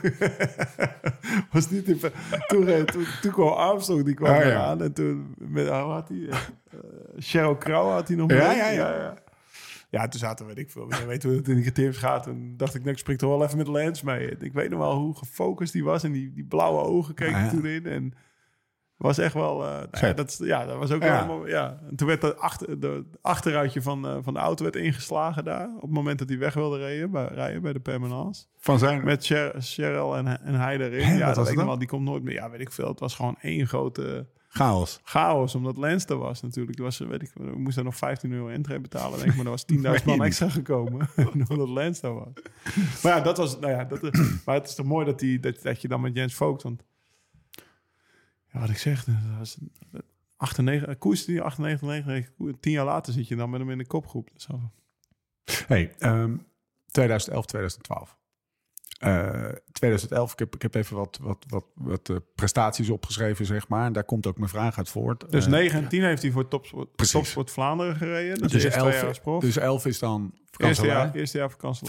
Geel in Parijs-Nice. Vuela Pas in, eh, daar wil meneer het hier nog wel even over hebben. Eh, Zwitserland, zesde Alpe d'Huez in de Tour. Vierde tijdrit in Grenoble. Hebben we net nog eventjes eh, gecheckt. Mooie beelden. 2012, Giro. Nou, dat hoeven we daar eigenlijk al niet over te hebben. Dat is, daar gaan we het nog over hebben. Maar dat is natuurlijk de Giro van de Stelvio. Man, je moet er op een gegeven moment ook wel een beetje moe van worden, denk ik, om dat verhaal te vertellen. Gaan het alsnog doen. Maar mijn punt... De klassementsrenner Thomas de Gent was geboren. Is, hoe, hoe, is die, hoe is die, zeg maar, want je bent eigenlijk, of eigenlijk, je bent geen klassementsrenner geworden. Hoe is die ontwikkeling verlopen? Hoe, hoe kijk je daar zelf op terug? Was het een vanzelfsprekendheid of was het iets waar je lang mee geworsteld hebt? Of hoe, vertel eens, hoe werkt dat? Dat was zelfs niet eens mijn idee. Dat was gewoon eh, de, dus die tour. Eh, ik had dan een gebarsten sleutelbeen. Ah, drie ja. weken mij rustig moeten houden. De Ja. laatste twee dagen was dan Alpe d'Huez en dan de tijdrit in Grenoble. En ik word dan zesde en vierde of vijfde en vierde. Ehm, en dan zei ze, ja, als je dat kunt op het einde van een grote ronde... De nieuwe merks. Dan zei je klassementsrenner. Ja. ja. je, eindigt in de, in de top 10 van een zware bergrit in de Tour en dan nog eens top 5 in een tijdrit. Dat is gewoon een klassementsrenner. Dus volgend jaar Ja. eh, ga je gewoon naar de Giro en zonder druk gevolgd. eh, dat was toen Gustav Erik Larsson, dat was onze klassementsrenner. En eh, eh, ik geloof Lagoutin. Eh, en eh, gevolgd die mannen gewoon en gezorgd dat je niet lost. En we zien wel hoe ver dat je geraakt. En, Maar even en- voor de luisteraar, je, je bent in een van de eerste etappes van die Tour van 2011, waar je dus aan het eind zo mooi kon bovendrijven, ben je gevallen. Klein breukje in het sleutelbeen, hè? ja, e- Ah. eerste rit. Eerste Ah, rit ja. zelf. de eerste rit Was al. dat in Luik? Eh, nee, nee, dat was, Oh. eh, hoe noemt hij? Uh, Monde Alouette. De, waar uh, Gilbert. Ah, Ja, ja, ja, ja, in Bretagne daar. Ja, Ja. en dan eh, daar een kilometer van de finish gevallen en een klein barstje verder kunnen rijden, gelukkig, maar het was niet, het was niet, Niet niet, meer zo top. Mocht naar links. Ik kon alleen maar in, de, in het zadel blijven zitten, niet recht staan, maar de laatste week kwam ik er eh, dan wel door. Van achter zat, hij, zat je toch al. Thomas de Gentje gepoeld. Ja. Maar je, zeg je daarmee ook een beetje, ja, ik kwam er daar eh, zeg maar in de derde week doorheen, omdat ik eigenlijk gewoon twee weken had uit kunnen rusten, tussen aanhalingstekens. Ik was elke dag alleen maar bezig met binnen tijd binnenkomen Ja. en zien dat ik eh, de finish haal en dat was het dan. Dus ik was de laatste week heel fris. Ja. Frisser dan de meeste. De meeste waren aan het demareren, zaten af te zien. En bij mij was het gewoon iedere keer, ah, het wordt te lastig, ik laat me lossen. Ja. Dus dat, dat, dat zorgt er ook wel voor dat je in die laatste week een Was die laatste hebt. week de rit met Galibier Alpe d'Huez? En best wel een kort ritje. Ja. Galibier, al, Je staat aan de voet van de Telegraaf, toch? Ja. ja, ja, ik weet het nog wel. Dat... Reed je die ook? 2011? Ja, ja, dat Ja. weet ik ook, ja. Maar ik, eh, ik had volgens mij... Dat was het jaar dat ik met die, met die tulband om mijn hoofd rond Ah, ja. Ik, weet- ik was nog heel blij dat ik aan de voet van Alpe d'Huez in de eerste groep zat. Er was misschien een man of 40 of zo waarmee we begonnen. En toen, ik weet nog wel dat ik boven kwam dat ik de uitslag zag. Nou, wat de fuck, Thomas. eh, Ja. Die heb ik, de- ik heb waarschijnlijk een week naast hem gereden met die tulband om mijn hoofd. Die, die, ja, maar dat was, eh, was mooi om te zien. en goed, de dag erna vierde in die Dus in Grenoble, die, die, komt die tour uit, eh, het nieuwsblad en het gezet en, eh, en eh, het laatste nieuws allemaal natuurlijk. Hupsakee, we hebben er weer één. Dat was meer de ploegleiding. De, in, in, de, Hilaire. in- ja, de Gazet viel eigenlijk nog goed mee. Die, die spraken ook niet over de nieuwe merks. Dat viel nog mee, gelukkig. Eh, Maar toen, eh, toen heb je de... Maar de Giro was Dat- wel gewoon een plan om klassement te rijden. Want het is niet een soort per ongeluk gegaan van... Nee, nee, nee. Ik moest mij, ik moest mij kalm houden en gewoon zoveel mogelijk, eh, nee, ah, niet tijd winnen, maar zo- eh, ik wil zeggen, zo weinig mogelijk tijd verliezen en zo, zo ver mogelijk geraken. Zo ver mogelijk in die grote ronde en dan eh, kijken na twee weken hoe ver dat we staan. Maar Had, had, ik, je, had, had ik je dan een, half had je al een hoogtestage of dat soort dingen van tevoren gedaan? Of hadden ze gezegd van, joh, met dit programma gaan we jou voorbereiden op? Of, Dat kwam niet van de ploeg uit die hoogtestage Nee. alleszins. Nee, nee, maar ik denk wel dat er een, eh, een gestructureerd programma in zat. Er- alhoewel, ik heb eh, de Ronde van Romandie gele- gereden vlak voor de Giro. Ja, Dus er zat maar vier of vijf dagen tussen. Ja. Zondag afgelopen zaterdag start in Giro. Dat was toen een beetje normale voorbereiding. Ah, ja. ja. Roglic ook nog een keer geprobeerd. Ja? Maar ik was wel goed, dus... Ja, Ja, dat mogen we wel stellen. Ja. Eh, die, die Giro gaat, dat is eigenlijk ook pas, voor mijn gevoel, we hadden nog over in de auto, was het halverwege de Giro dat die etappe was. Maar dat was, dat was ook diep in de laatste weken, in de laatste etappe, de Stelvio-etappe. Ja, wordt ochtends wakker om toch nog even naar die dag te gaan. Hoe vaak was je we daar geweest op hoogte? Want nou weet ik het weer. Je was er zelf op hoogte geweest, hè? Ja, ja, ja ik, ik ging er al altijd. sinds eh, de eerstejaarsbeloften of zo. Sindsdien ging ik al eh, de Stelvio op hoogte Maar dat is toch best een... Hij eh, heeft de Stelvio uitgespeeld. Ja, want wij- zijn, wij hebben laatst een, ehm, een eh, opnames van een film gehad... waarbij we de alternatieve kant, de gravelkant van de Stelvio op zijn gegaan. Toen kwamen we boven, want je komt uiteindelijk wel gewoon eh, boven op, eh, op, op de berg ook. En toen, nou, toen begon Lau met zijn Thomas de Gent eh, eh, eh, Saga. het saga. En we zaten binnen in dat... Nou, Nou, foto's van jou aan er de hing een muur. klantenartikel Ja, van precies. 2012. Thomas de Gent, Conquera, Stelvio. In Maar- de- we zaten in een barretje. Ja, maar wat ik me vooral kan herinneren is dat jij zei: het is niet zo. Thomas Dekker is ook wel daar op uh, hoogstage Ja. geweest, maar hij- het is niet zo'n vanzelfsprekende hoogtestage plek, omdat je erop. Lau helpt me even op hoogte slaapt. Hij slaapt heel hoog en je moet altijd die klim. Ja, Echt, ja, dat, Ja. Het is, je moet altijd best wel ver. Ik bedoel, het is altijd 20 kilometer klimmen voordat je terug, of 15 in ieder geval. Maar ik zit niet op de Stelvio zelf. Ik zit zo in, een, eh, in een zijdorp. Dus als je vanuit Prato en omhoog rijdt, ehm, dat is de kant van de 48 haarspelbochten. Dan De kun naar- toch? eh, die, die is minder haarspelbocht. Oké, dus de andere van, kant. De andere kant, Ja? Eh, dus de, de kant van de 48. Daar kun je na, na 10 kilometer klimmen, links een baantje in en dan is het een, eh, een doodlopende straat. Bovenop heb je een dorp, dat is eh, 1900 meter hoogte. Ah, en ik zit, ik zit daar op hoogte stage. Nee, maar, Niet nee, maar op de dan klopt Ja. toch dat ik zei van, joh, hier op 26, 2700 Ja. meter slaap, want zo hoog is het. Dat is, ja, en je moet echt altijd, nou ja, dat laatste stuk, dan heb je voor het gevoel klim je naar de engel. Dat is niet zo fijn trainen, leek me. Nee, maar nee, op nee. 1900 meter, dat maakt het al een heel ander. eh, Maar jij was daar dus al regelmatig geweest. Ja, Kom je daar terecht dan? Er zijn zoveel plekken om uh, stage te ja, doen. hoe ga je überhaupt op hoogte als, als Ja. belofte, zeg ja, maar. ja. Toen was het ook niet de bedoeling dat ik een hoogtestage ging doen. Dat was toen nog gewoon eh, bij de eh, reisbureau gewoon een boek gaan halen en kijken. oh, dat ziet er ongeveer in de bergen uit. We gaan er daar gewoon op goed geluk Ja. eentje ge- gezocht. En dat was toevallig eh, vlak aan de Stelvio. We wisten niet wat dat, dat was. Dat was ook nog... eh, En wie is we? Voor het, we, dat was eh, toen eh, was schoolvrienden. Ehm, Van de wielerschool. ja, eh, wat- belofte allemaal meegepakt. vet zeg. Jezus En dan daar gewoon op het is gewoon hoogtestage echt voor een week. uit. En En, dan, was- en dan kwam je altijd terug. Ja. Dat dorp. Het was, het was een heel goed hotel en het was, eh, het was een mooi dorp. Dus we kwamen... Weet je nog hoe het hotel heet? Eh, toen was de, het hotel noemde Julio Spire en dan het jaar daarna was dat volboekt, dus moesten we een ander zoeken en dan Ja. kwamen we bij Hotel Cristallo en daar zijn we eigenlijk iedere keer opnieuw naartoe gegaan. Dus het is gewoon het feit dat jij eigenlijk, want nu gaan we naar die, eh, die befaamde dag. Eh, ha- had dat trouwens met elkaar te maken dat je het daar kende, dat je je daar thuis voelde? Had je hem aangestreept die dag? Ehm, ja, ja, Of aangekruist? Ik, ik heb die klim zoveel keer gedaan en ik, Ah. wist, ik wist waar dat stijl was. Ik wist eh, waar dat iets vlakker of gemakkelijker liep en dat die tunnels dan op dat, dat moment er gingen zijn en dat dan zeven kilometer voor de top vlak werd of vlakker werd. Ja. Dat, dat speelt toch allemaal Ja. in het voordeel als, Ja. je dat, als je dat perfect weet. Was, je, was je de hele Giro al goed? De eerste week niet zo super, maar dat was eh, start in Denemarken, dus dat viel Nou ja. mee. Dat was gewoon vlak en je kon er gemakkelijk in komen, dat wel. Beetje een duwtje van Marcato nog. Maar Carrara. Of een Carrara, sorry. Carrara, ja, ja. Carrara, ja. Maar hij duwde me bijna het publiek. Ja, dat was echt hard, ja. Nou, hij, hij, duwde zichzelf echt terug naar de voet van die, eh, wat was het, Mortirolo geloof Ja, ik? Ja. maar hij wou eigenlijk de kop trekken, maar hij zat eh, meer in de weg te rijden. Dus ik kriep al naar hem opzij, opzij. opzij maar dan in, in, het Engels natuurlijk. En hij gaf nog een duw. En dan in de afdaling kwam hij mij toch terug voorbij gereden. Ja. Dus, eh, nee, hij heeft er wel goed werk geleverd in de vallei achteraf. Wat was het plan die dag? Dat was, dat was geen plan. Nee. Dat, dat was eh, proberen overleven. Wie dat mee kan in de vlucht mag. Het is toch de voorlaatste dag. Eh, morgen is tijdrit en eh, het, het mocht op. Iedereen zijn kracht mocht op. Dus wie dat mee kon zitten, die moest dat maar proberen. En Carrara was mee en dan was eigenlijk...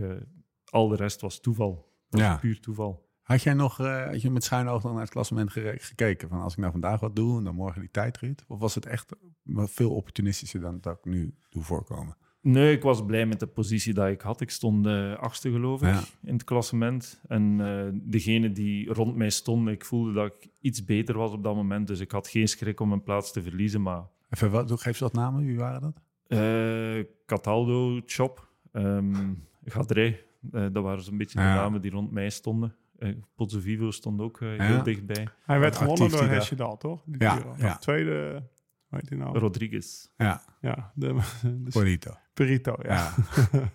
Perito, ja, ja. Maar ik weet nog, hij werd. En dan derde Thomas. Hey, eh, we gaan naar de voet van de, van de, van de, van de Stelvio. Je, je, je had een groepje met, ik weet even de namen niet meer. Ik weet in ieder geval dat Nieve erbij zat. En dat jij het eigenlijk met Nieve was je, was je het een beetje eh, aan het verdelen, zeg maar. Mm, Voel ja, je, of, of eh, je deed kopwerk met Nieve. Ja, ja. eh, De rest deed niks. De, de, de, ja, ik, ik had het meeste schrik voor uh, Koenigo, die zat er ook bij. En dat is, ja, de Koenigo die heeft de Giro ooit gewonnen. Ja. En verschillende keren... Amador zat er ook bij. Ja. Een Lombardijnen verschillende keren gewonnen. Isagiri ook trouwens. Eh, Ja. Ik denk zelfs allebei. Eén één van de twee toch alleszins. Ja? Het zijn allemaal grote, Lekker grote groepje. namen. En ehm, we begonnen aan de Stelvio en, en ik wou gewoon eens testen hoe dat de benen waren. En uiteindelijk wa- was alleen Nieve met mij mee. En Ja. Natuurlijk Nieve kende ik van, eh, die, van die keren dat die, die eh, koningin-etappes won ervoor. Dus eh, ik zei, dat, dat zal waarschijnlijk dan wel de, de zwaarste klant worden. Maar ja, uiteindelijk waren de benen voldoende. En je moet ze testen bergop. Het is, het is een lange klim, het is een uur klimmen. En je moet ook niet wachten tot eh 10 kilometer van de finish. Hoe, bijzonder was die dag? Gewoon voor jou als, als, als wielervolger toen? En, en wat was dan, want zag je, was niet iets voor mijn gevoel wat, wat de gemiddelde wielervolger had zien aankomen of zo. Eh, nee, nee, dat zeker niet. Maar voor mij als renner... ehm vakantie is supergoed dit jaar. Hè? Ja. Liewer die had eh Parijs-Nice. Nou ja, jouw laatste... Volgens mij heb jij, de, heb jij dat jaar de laatste rit ook gewonnen in Parijs-Nice? Of- Ja, voorlaatste. Maar de voorlaatste, Nice-Nice. Nou, dat was Of- niet starten, die was eh, eh, starten in uh, Cisteron. Oké, maar in ieder geval, ik weet nog wel dat, dat ik... Die heeft vrij veel indruk op meneer Ja, want ik zat in het eh, peloton daar en ik Ja. bleef er maar Hoe voor doet hij rijden, weet dat? je wel. What the fuck. Ja. En, ik ben bijvoorbeeld... dat jaar heb ik mijn ronde van Catalonië helemaal verneukt. Ja. Want, eh, nou ja, Liewe, Johnny, Thomas, weet je, dat wilde ik ook kunnen. En er gingen toen de verhalen van, nou ja, veel trainen. Ik was, ik was ook best wel een, een trainingsbeest, zeg maar. Maar eh Liewe, die trainde zoveel die was zo mager. Dus ik ben volgens mij na Parijs-Nice, op woensdag heb ik vijf uur gedaan. En op donderdag zes. En op zondag moest ik alweer naar, of ja, ging ik alweer naar Catalonië. Want ik dacht, ja, toen was Catalonië helemaal af en ziek, weet je wel. Dus voor mij, maar toen zag ik hem daar in het Giro goed rijden. En dat was voor mij echt wel gewoon echt motivatie om, om gewoon tot Ja. het tanden gewapend te blijven trainen. Dus dat heeft het persoonlijk met Ja, mij gedaan. En in de Tour... Maar waarom was dat? Omdat je je soort van kon identificeren met Nou ja, als zij het kunnen van de lage Ja. landen, waarom kan, waarom kan Ja, ik het dan niet, ja, weet je? ja, ja, dus eh, ik werd uiteindelijk achtste in die Vuelta dat jaar. Ja. Dus dat was voor Ja. mij voor het eerst, zeg maar, een, een, een doorbraak in een, in, een, in een grote ronde. Ja, ook top 10. 17, Dus dat deed het ja. bij mij. Dat was, en, en kijk, hoe het, wat het bij het publiek gedaan heeft, dat weet ik natuurlijk niet. Maar ik weet nog wel, ik dacht, nou, een Nederlandse ploeg. Eh, ik rijd bij Rabobank. In principe zouden wij meer faciliteiten moeten hebben, weet je. Dus waarom... Dus ik ben, ik ben er wel echt... Ja. Ik werd, eh, je weet, eh, ik, heb wel eens met, ik heb wel eens met Jim, Ja. jij met Jim hebben over gehad, weet je wel, Thijs Zonneveld. Ik vind hem een fantastische kerel, maar Ja. als hij voor de voor Unbound zegt, ik ga hem even winnen, dan, dan, dan kan ik me opvreten en dan, Ja. hè, nou ja, dat had ik bij hun ook een beetje. Dat ik dacht van ja, ik weet Dat moet ik ook en ik denk dat Thomas dat, dat Thomas eigenlijk stiekem andersom misschien ook wel zo is, hoor, dat hij zich, ik weet niet hoe dat zo is. Herken het mechanisme van, van, van iemand voor je hebben... waardoor je, waar daar je je optrekt... Ja, of- waarvan je ook nog denkt, die kan, ik- dat kan ik ook nog. Nou, ik, heb, ik denk wel dat Thomas eh, soms van een beetje woede harder gaat fietsen. Maar ik weet niet of dat... Het is wel van, zo een beetje van leeftijdsgenoten waar je bij de belofte samen mee rijdt. En die presteren dan beter bij de Ja. profs. Terwijl dat je die als Ja. belofte er dan afrijdt, dan is het toch Ja. wel een motivatie om te proberen Eén beter te extra. Ja. Hey, en dan heb je die tijdrit. Maar het dan was natuurlijk fenomenaal, hè? Want wat Ja. hij rijdt daar in Parijs-Nice en ook daar in het Giro... Ja. Ik, heb, ik heb er vandaag, ik heb er deze week op de fiets over na zitten denken. Best wel, want hij- jij viel nooit... Nou ja, daar in Engeland viel hij stil met Kai Ja. Reus. Het was de laatste keer ook meteen. Ja, maar, maar, nee, maar ik heb bijvoorbeeld ook wel een keer in Catalonië achter hem gereden. Dat we op zo'n grote brede baan reden, bergop. En dan, nou ja, het peloton was hem een beetje aan het... Met Thomas aan het spelen, zo gezegd. Je denkt, jongens, ga nou niet te veel... Kijk, wij hadden geen sprinten, maar ga nou niet te veel spelen. Want hij pakt ons gewoon straks. En dan deed hij dat, weet je. Dus ik heb over... Wat ik heb opgeschreven in die notitie is... Had jij eerder... Want wij, ik wist het al, maar ik deed het niet. 90 gram per uur. Hè? Dan moest je eten of drinken of, tijdens Ja. de koers. Maar ja, wij wilden allemaal net zo mager zijn als Liewe of als Wiggo. Ja, maar... Ja, nou ja, ja hoe doe je dat dan? Door in, de koer, door, in de koer, door in de koers honger te leiden. Ja. Had, jij, had jij wel dat? Of als je, als je het bij jezelf analyseert al toen? Of heb jij echt gewoon een motor die niet stilvalt zonder dat die eh, hoeft te eten? De- ik- mijn motor valt wel stil. Met de, de koersen dat je verliest, eh, dat, dat dat herinnert niemand zich. Dus, eh, maar wat dat ik wel altijd heb gedaan in, eh, in een ontsnapping is twee gelletjes en een bidon per uur ongeveer. Dus dat komt uit op ongeveer 90 à 100 gram. En dat doe ik al sinds begin, Mm. begin dat koers. En nu doet iedereen dat. Nu is het zelfs Ja. 120 gram. Maar ik, ik reed best wel, ik reed rit op, op 30 soms, op 60. En dan mis je al echt wel veel in de finale. Die Ja. rit in Catalonië die we nu beschrijven, in twee, of die, we- waar we het over hebben gehad, Ja. dat we samen in de je zaten in gewicht bezig in 2016. plaats van met je prestatie in de koers. Ja, Ja. Nou ja, nou ja, op dat moment. Maar dat was, was op een gegeven moment denk je ook dat je die nodig hebt. Ik ben kampioen vet verbranden. Ik heb die 60 ja, gram koolhydraten niet nodig. Of die. Heb je, Ja, heb, maar- je- maar heb, je- dat daar maar lang mee dat rondgereden? best wel van, slim. Dat, ik, ben, ik ben niet slimmer dan de rest. Ik ben wel. Is dat, was het zo'n bewust iets? Iets waarvan je dacht, dit doet de rest niet. En dit is wel wat mij nu... Me... Nee, want ik denk wel dat de, dat de, de meeste op die manier rondrijden. Gewoon twee gels en een eh, bidon per uur. Dat is denk ik wel Ja. dat, dat ik de meeste zag wegsteken. Ja, maar jij, ja. Misschien in een ontsnapping dan wel. Maar als jij in het peloton achterin aan het hangen was. Ja, dan deed ik dat ook niet. Dan deed je dat ook niet. Nee, nee. Alleen maar als ik voelde dat, dat ik eh, echt door mijn energie aan het, aan het branden was, dan moest er ook extra in. En ook s s'avonds en na de rit en zo had ik iets meer de dag voor een, eh, dag voor een ontsnapping. Ja, dat deden wij ook. Dat, dat, dat, dat deed ik ook wel natuurlijk, dat laden, weet je wel. Ja. Dat, eh, nou ga ik... Morgen is de Ventourrit, 250 kilometer. Dan vrat ik toch een bult pasta in de Tour, weet je. Maar eh, ja, ik, ik, heb- ik was er dus van de week over aan het nadenken. Ik denk, Ja. misschien had hij toch iets eerder uitgespeeld dan ik zelf, zeg Ja. maar. Dus eh, Wat ik wel altijd deed, was, was eh, puur op wattage rijden en echt eh, niet over de limiet willen gaan. Dus als ik voor een half uur 400 watt kon rijden, ging ik geen half uur 410 proberen. Ging ik echt op die 400 watt. En dan, als ze wegreden, dat was toen, toen eh, Wening die begon aan die klim en Ja. die reed weg. Die zei, "Ah, kom, kom. Ik zeg, nee, nee, ik ben kapot rijden, maar... En hij reed dan een minuut en een half weg, maar dan zat hij uiteindelijk ook door zijn suikers heen. Ja. En ik heb gewoon, eh, dat was toen een uur 360, 370 of zoiets. Mhm. Ik zeg, dat kan ik. Dus ik op die bleef daar rijden. op een gegeven moment. Ik bleef daar rijden en dan kwam ik hem uiteindelijk toch tegen. Dus Ja, maar het, de stiekem zit er best wel een slimme coureur. Want ik, Ja. ik, ik denk ook nog even terug aan die J, twee gels en die bidon. Dat is dus zeg maar 100% koolhydraat wat hij opnoemt. Kijk, wij, ik had nog puddingbroodjes bij wijze van. Of hè, dus, dus Ja. eh, best wel ballast, wat ik nu inmiddels ook weet. Van ja, je lichaam heeft echt alleen die suikers nodig. En de eiwitten en vetten, dat komt, eh, dat komt na de koers alweer, zeg maar. Dus, is heel en, berekend. en, maar ook dit, weet je, je wattage dan. Rationeel berekend. Rationeel, hij, Ja. hij bleef wel nadenken. En, eh, Dus als jij, als jij in een ontsnapping wilde komen... Om puur toeval even- in de Giro. Ook dat, misschien op het gebied van tactiek wel puur toeval. Maar de rest is natuurlijk ergens wel allemaal goed gegaan. Anders word je geen derde. Hè? Dus hè, dat, eh, dat is niet... En, en op hoogtestage zijn... weken van tevoren daar is ook niet puur toeval. Want op een gegeven moment had je echt wel door dat het wel hoogtestage was natuurlijk. Ja, ja, Eh, tuurlijk. ja. Hey, en eh, die 90 gram, is dat ondertussen 120 geworden? Dat is ondertussen 120. Is die die gut bidonnen, getraind? er zit maar? al iets meer suiker in de bidonnen tegenwoordig. Sommige rijden rond met bidonnen van 90 gram koolhydraten. Dus Ja. dat, is, eh, dat is net iets te veel wat dat uw maag aan kan, denk ik. Eh, dan wordt er na, ik heb hem even opgeschreven, 17 jaar, we gaan weer even terug naar die Stelvio-dag. Eh 17 jaar na Johan Bruineel, grote benen in de Vuelta. Die was ik, had ik ook niet meer even scherp. Op deze manier nog eens een Belg in een podium in de eerste ronde. Terug naar die eh, allereerste vraag. Thomas de Gent, de klassementsrenner. Of in ieder geval hoe jouw loopbaan zich, als je nu zo door je oogharen naar die afgelopen jaren kijkt, zich heeft ontwikkeld. Op welk punt, stond je na die Giro?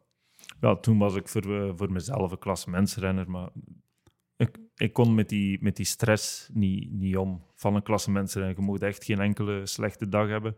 Ik mocht dan nog uit de veld rijden, volledig eh, stressloos zonder klassement. Ja. En ik win dan nog bijna een rit. Ehm, en het jaar daarna moest ik naar de Tour als klassementsrenner. Ja. En na drie dagen stond ik op bijna drie kwartier of zo. Dat was de start in Corsica. En dat was, Ah, ja. dat was, helemaal, Dus, eh, dat was helemaal weg. Wat, wat, wat, wat gebeurde er? Wat, wat, wat, Gewoon wat- slecht. Hoe had het vat op jou? Je, je, je, Was je slecht of viel blokkeert je? gewoon of zo? Gewoon slecht, slecht. Ja, ja. Gewoon slecht getraind. eh, en Zenuwachtig naar die, naar die koers, naar, naar, die tour toe. Het, eh, niet slapen. Ik ben gewoon even op zoek. Wat gebeurt er met een renner die Goed. gewoon die stress even niet trekt? Gewoon kleine, kleine blessures dat je dan groter maakt Ja. in je hoofd. Ik had een beetje last aan mijn knie, maar dat is dan zo beginnen Ja. spelen dat ik aan mijn schoenpluitjes begon Ah, te sleutelen aan mijn zadel. En dan wordt Ja. zo'n kleine blessure heel groot. En dat is gewoon eh, zo gebleven. En dan na die tour van 2013 zei ik, ik, ik rij niet meer voor een klassement. Je En, had het eh, snel door. Best, best wel Ja. snel door dan. Ja. ja. ja, maar er zijn genoeg eh klassementsrenners die proberen en Ja. dan uiteindelijk na vier, vijf jaar Ja. stoppen gewoon omdat dat niet meer, eh, niet meer gaat. Of ze, ze rijden. moest ik echt voor een klassement gereden hebben, iedere koers, had ik gewoon niet de koers gewonnen als dat ik nu won. Ja. En ik wou, ik wou anders koersen. Ik wou, Wist je wel wat Offensief alternatief? Hè, dus ik van, oké, geen klassementsrenner, maar dubbele punt. Of- Had je dat alternatief al voor jezelf? offensief koersen. Dat was Ja. ook eh, eh, als ik van bij Quickstep wegging. En eh Mark Cezant belde mij om bij Lotto te komen. Dan zei hij ook, we willen de, de renner van 2011 terug. Ja. Niet die van 2012, die van 2011. En dat zei ik ook, ja, dat is ook de renner dat ik liever ben. Die daar in de Ja. aanval ging. En dan is het iets de 120ste eindigen, maar ook die daar heel En- mooi en- kan koersen. En, en ik snap. Waar, waar, waarom geeft dat minder stress? Wat is dan de... Ja. Omdat het niet erg is als je een slechte dag hebt. Als je dan een grote ronde rijdt, als niet-klassementsrenner, je hebt een slechte dag, dan eindigt op 40 minuten en de dag erna is het terug beter. Geen probleem. Er is geen probleem als er, eh, als er dan eens een slechte dag is. Maar Ja. ik, ik kon er niet mee om om 21 dagen te vechten voor een klassement, om dan alles naar de kloten te zien gaan door één slechte dag. Ja. Dat is ook alles wat je voor getraind hebt. En je, je spaart je elke rit. Toch zoveel mogelijk. En eh, ik wou gewoon gaan voor die etappes. En dan, als ik iets slecht was, ja, dan was het zo. Hoe beluister je dit? Want jij hebt natuurlijk wel die, die, jij hebt wel Nou, die klassementsronde nee, ja, precies. route gekozen. Nou, ik heb ook wel eens eh, opgebiecht dat het niet de beste jaren waren, zeg maar mentaal, weet je. Dus, eh, de, of nou in ieder geval, ja, de, de- zeker op de momenten dus dat het dan even niet gaat. Dus dat je dus op drie kwartier staat of dat je dan daar in 2015 in Ardennen op je kloten slaat, Ja. bijvoorbeeld, en het is om zeep. Dat je, dat je de, ik, ik heb toen in Parijs teruggedacht en ik was van de 100 dagen voor Parijs was ik er 90 dagen niet thuis. En de 10 dagen dat ik er was, was ik ook niet de Laurens die ik nu ben thuis, maar was ik of hongerig, of moe, of chagrijnig. Van de honger en, de moe, en, en dat kapot was van trainen, of het verkennen, of de hoogtestage, Ja. of de koersen.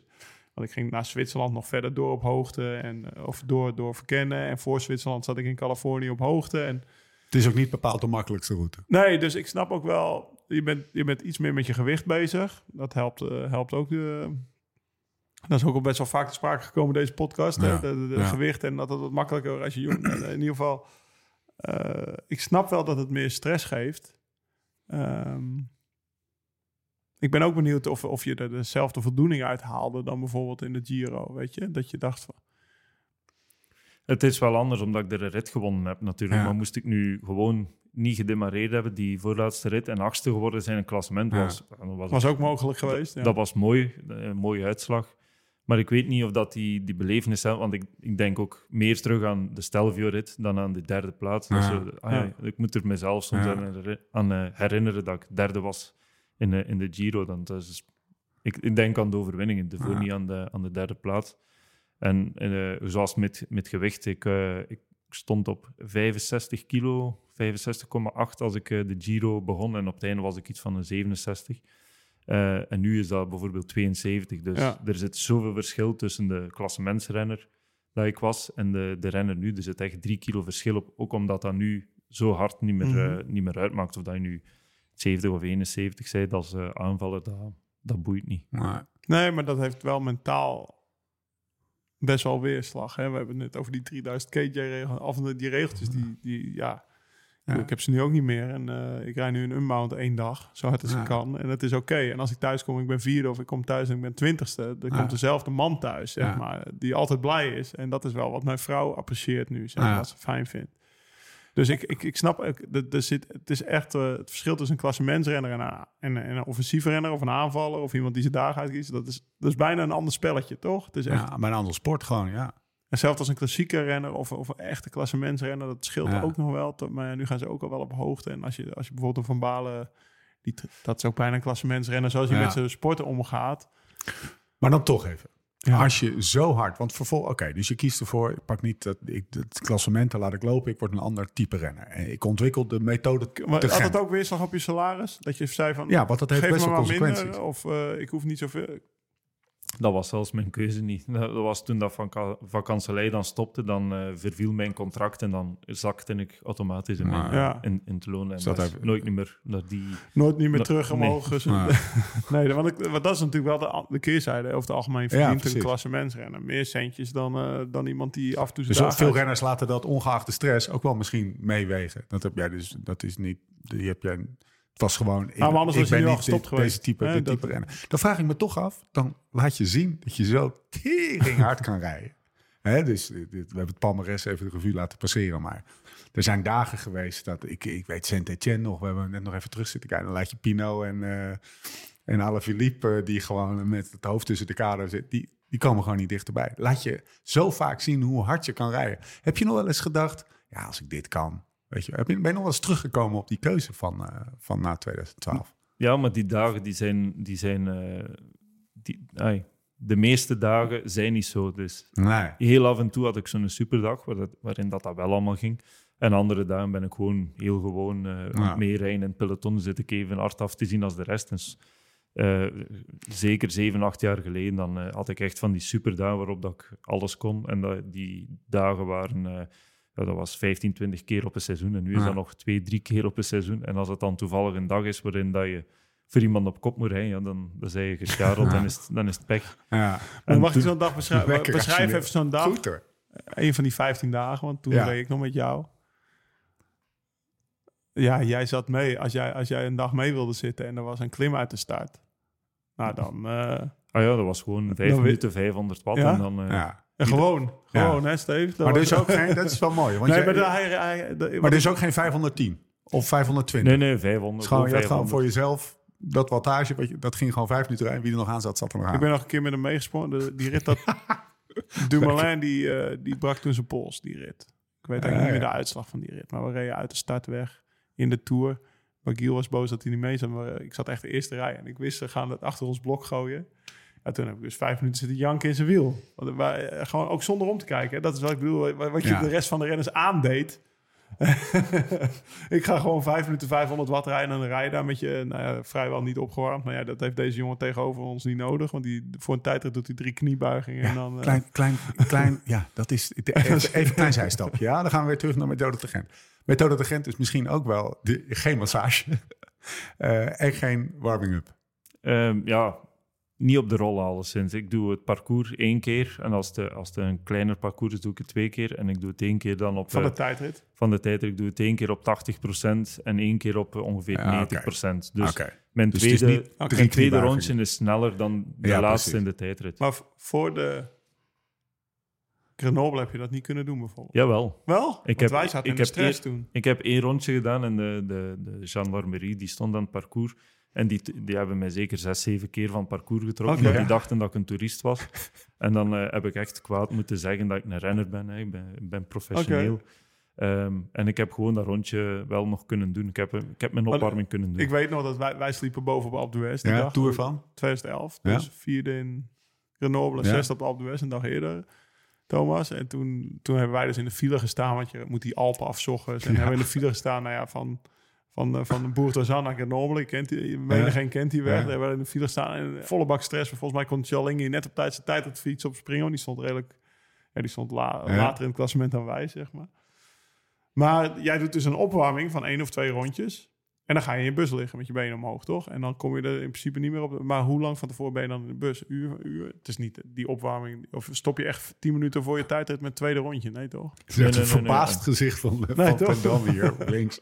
Nee, nee, maar, ehm, ik, eh, ik doe gewoon eh, die opwarming totdat eh eigenlijk parcours echt afgesloten wordt. En dan eh, zit ik gewoon in de bus te wachten tot, tot mijn start. En dat is het. Ja. Ja, en wij zitten Hoe onconventioneel is dit? Ja, nou ja, dat doet... eh, Ken je anderen die dat 200 ook doen? Nee, nee, iedereen zit op de rollen. Zelfs ploegentijdrit het is hetzelfde. Iedereen zit dan op de rol. En ik Is het zit niet, dan maar is het niet altijd ernaast. gezeik? Mm, iedereen niet, die altijd maar... niet meer. niet Nee? meer, Nee. Ook ehm inspanningsfysiologen, trainers, die je proberen te overtuigen van een andere methode vanuit zeg maar, wetenschap of zo. Ook niet meer. Nee? Ze kunnen, we dan, niet meer. kunnen we het dan ook even hebben over masseren? en en wat, wat moesten we nou vragen van... eh, Hij van is een stamper. Ja, ben je, je bent een sta Jou, je, je hebt je, zeg maar, je bovenbenen, die zijn echt, eh, nou, mogen we wel zeggen, kolossaal. Hè? Toch? Dat zijn echt flinke jetsers. Maar ja, hamstring, die is wat minder, eh, minder ontwikkeld, als we zo eh, mogen geloven. Dat komt omdat je een stamper bent. Ja, zeker Pascal. Ja. Oké. Ehm, ja, nee, Eh, de- Pascal houdt van stoken. Dat was Pascal, ja. ja. nee ja, ik, ben, ik ben een stamper. Het is niet echt dat ik op uh, souplesse zit rond te trainen. Maar ik probeer toch eh, mijn, mijn stretching eh, te doen iedere dag. En eh, met mijn hamstring is oké, maar het is wel, eh, als ik begin te koersen, de eerste drie dagen heb ik zo'n beetje kramp en dan is dat, is dat beter. Je, je, je, om- omdat je zo, zo, met stampen bedoel je dan, naar Lau, eh, help me even, hard naar beneden duwen. In plaats van Ja, zeg maar, de hele ronde Ja, afmaken precies. en Maar dus de- ook je lachen erom. Nee, maar wat onconventioneel is. Kijk, normaal gaat iedereen toch lekker even dat drie kwartier liggen. Hè? Of Ja. iedereen. Maar de- ik denk dat het ook die ploeg van vakantielei was. Want volgens mij liet Johnny zich ook niet iedere dag masseren. Nee? Wat, nee, ik denk het ook niet. En eh, ja, bij mij was het gewoon... Ik ging bij wijze van spreken thuis al drie keer per week Ja. met Dominique. Maar eh, ja, die jongens hebben daar geen zin in. Ik heb, ik heb weinig ploegmaats meegemaakt. Denk, denk nul, misschien één in al die 16 jaar die dat had. Dus dat Ja. vond ik wel mooi dat je... Ja, jij, jij hebt het gewoon niet nodig. Ik ik vind het niet fijn. Ik vind de massage niet fijn. Ik heb, eh, ik heb heel veel pijn aan de benen als ze erop zitten te wrijven. En dan, ik moest de hele tijd zeggen, zachter, zachter. Oh en op, op den duur was het gewoon nog wrijven. En zei, zeiden zelfs de verzorger, eh, het is eigenlijk de moeite niet dat je komt. En dat was eh, stelsel, stelselmatig is afgebouwd. Dat was dan niet meer de kuiten masseren, enkel nog de bovenbenen. Zelfs niet meer, zelfs niet meer omdraaien op tafel. Dat was gewoon niks. En En, dan, begon je als belofte al? Want bij de belofte voor het eerst kom je bij een ploegje of bij de, bij de junioren en dan nou, laat je je masseren. Dat, dat gebeurt voor het eerst. Best wel speciaal, Ja, want ja. eh, hè, dat, dat Maar- hoort bij het koersen. Maar ik denk dat ik bij de, bij de junioren ben getraumatiseerd door eh, de, de verzorger toen, want die masseerde heel diep en ik zei dat doet pijn en, en die zei ja, nog een beetje, nog een beetje. even, even door de pijn bijten en dat, ik keek er zo hard tegenop om iedere keer naar die massage te gaan dat ik, dat ik er eh, gewoon een digoe had van gekregen. En al bij vakantielei begon ik eh, die massages eh, laten, te laten lopen. En bij Quickstep zei ze, nee, je moet gaan, je moet gaan. Maar dan eh, zat ik gewoon te babbelen met de, met de verzorger op. en die, die was zelfs niet eens aan het wrijven. We waren gewoon aan het babbelen tegen elkaar. Zei, je moet gewoon zeggen dat je mij gemasseerd hebt. en dan vanaf, eigenlijk vanaf 2017 ben ik niet meer gemasseerd geweest. Dus dat is nu ja, goede Ja. zeven jaar niet meer. En, en blessures? Want ik had... Het is niet dat je... Je, bent blessurevrij. Nee, maar ik je- stretch, dus eh Ah, stretchen ja. helpt ook al eh, heel veel. Als ik dan pijn heb aan de benen, doe ik zo van die recovery boots aan. Dus dat Ah, doe ja. ik wel soms, eh, een beetje compressie, maar masseren, dat is, dat is gewoon niet voor mij. Kijk, als je het even doorvraagt, dan wordt de soep niet zo heet gegeten als die Nee, wordt opgediend. Compressieboots. Het rek, eh, ja precies. Nee, dat- Ja, maar ook Thomas de. Gent, die moet zijn beetjes een beetje verzorgen. Ja, precies. Zelfs Thomas de Zelfs Gent. Thomas de Gent. Ja, even een korte break, mensen. Eh, want er is nieuws van Nationaal Wielerbelang. De wintersale is namelijk gestart bij Futurum Shop. Sinds gisteren kortingen tot wel 50% op topmerken. Zo heb je bijvoorbeeld die fotochromische bril waar we altijd mee rondlopen. Dat is die bril die Jim een uur heeft gezocht totdat hij erachter kwam dat hij gewoon op zijn neus stond. Van Peak voor 114,99 euro. Eh, ook acties van Shocks, Pro, Specialized. Ga dus naar futurumshop.nl of bestel in de Futurum Shop app. Door met de podcast. Door met Thomas. Oké, eh, methode te Gent. Eh, wat, wat, wat is nou een mooie rit om, eh, om, om de methode te Gent... Oh, Startberg op. startberg op. Ja, ja daar geniet hij van. Dat, dat, dat- daar heb ik nachtmerries van. De startberg op en Thomas op de eerste rij. En dan dacht je al bergje. Methode te Gent, stap 1. Ja. Routeboek, startberg op. Start bergop. Dan, eh, de, dan ondertussen, tijdens de rit, eh, liefst geen klimmen langer dan eh, ongeveer 10 minuten. Dat dat zo nog net in mijn trainingszone valt. En dan zijn de, de Lange rit, korte rit. Dat maakt op zich niet Oh, uit, ja. zolang dat de klim maar niet langer dan eh 10, 10, 15 minuten zijn. Want dan zijn de, Ja. de, de echte klimmers zijn dan Ja. het voordeel. En tot En- dan kan ik gewoon mee. mee Grote ronde of kleine ronde? Kleine, eigenlijk, de, eigenlijk de beste rit eh, dat ik heb gedaan is in, eh, in Catalonië. De, Ja. Een van de laatste ritten dat ik daar won. En daar had ik een, een heel plan de dag ervoor. En ik, ik zei dat tegen Kevin de Weert. Dat is mijn plan morgen. En dat is tot, tot in de perfectie uitgevoerd. Oh ja, nou, kom maar door. Ja.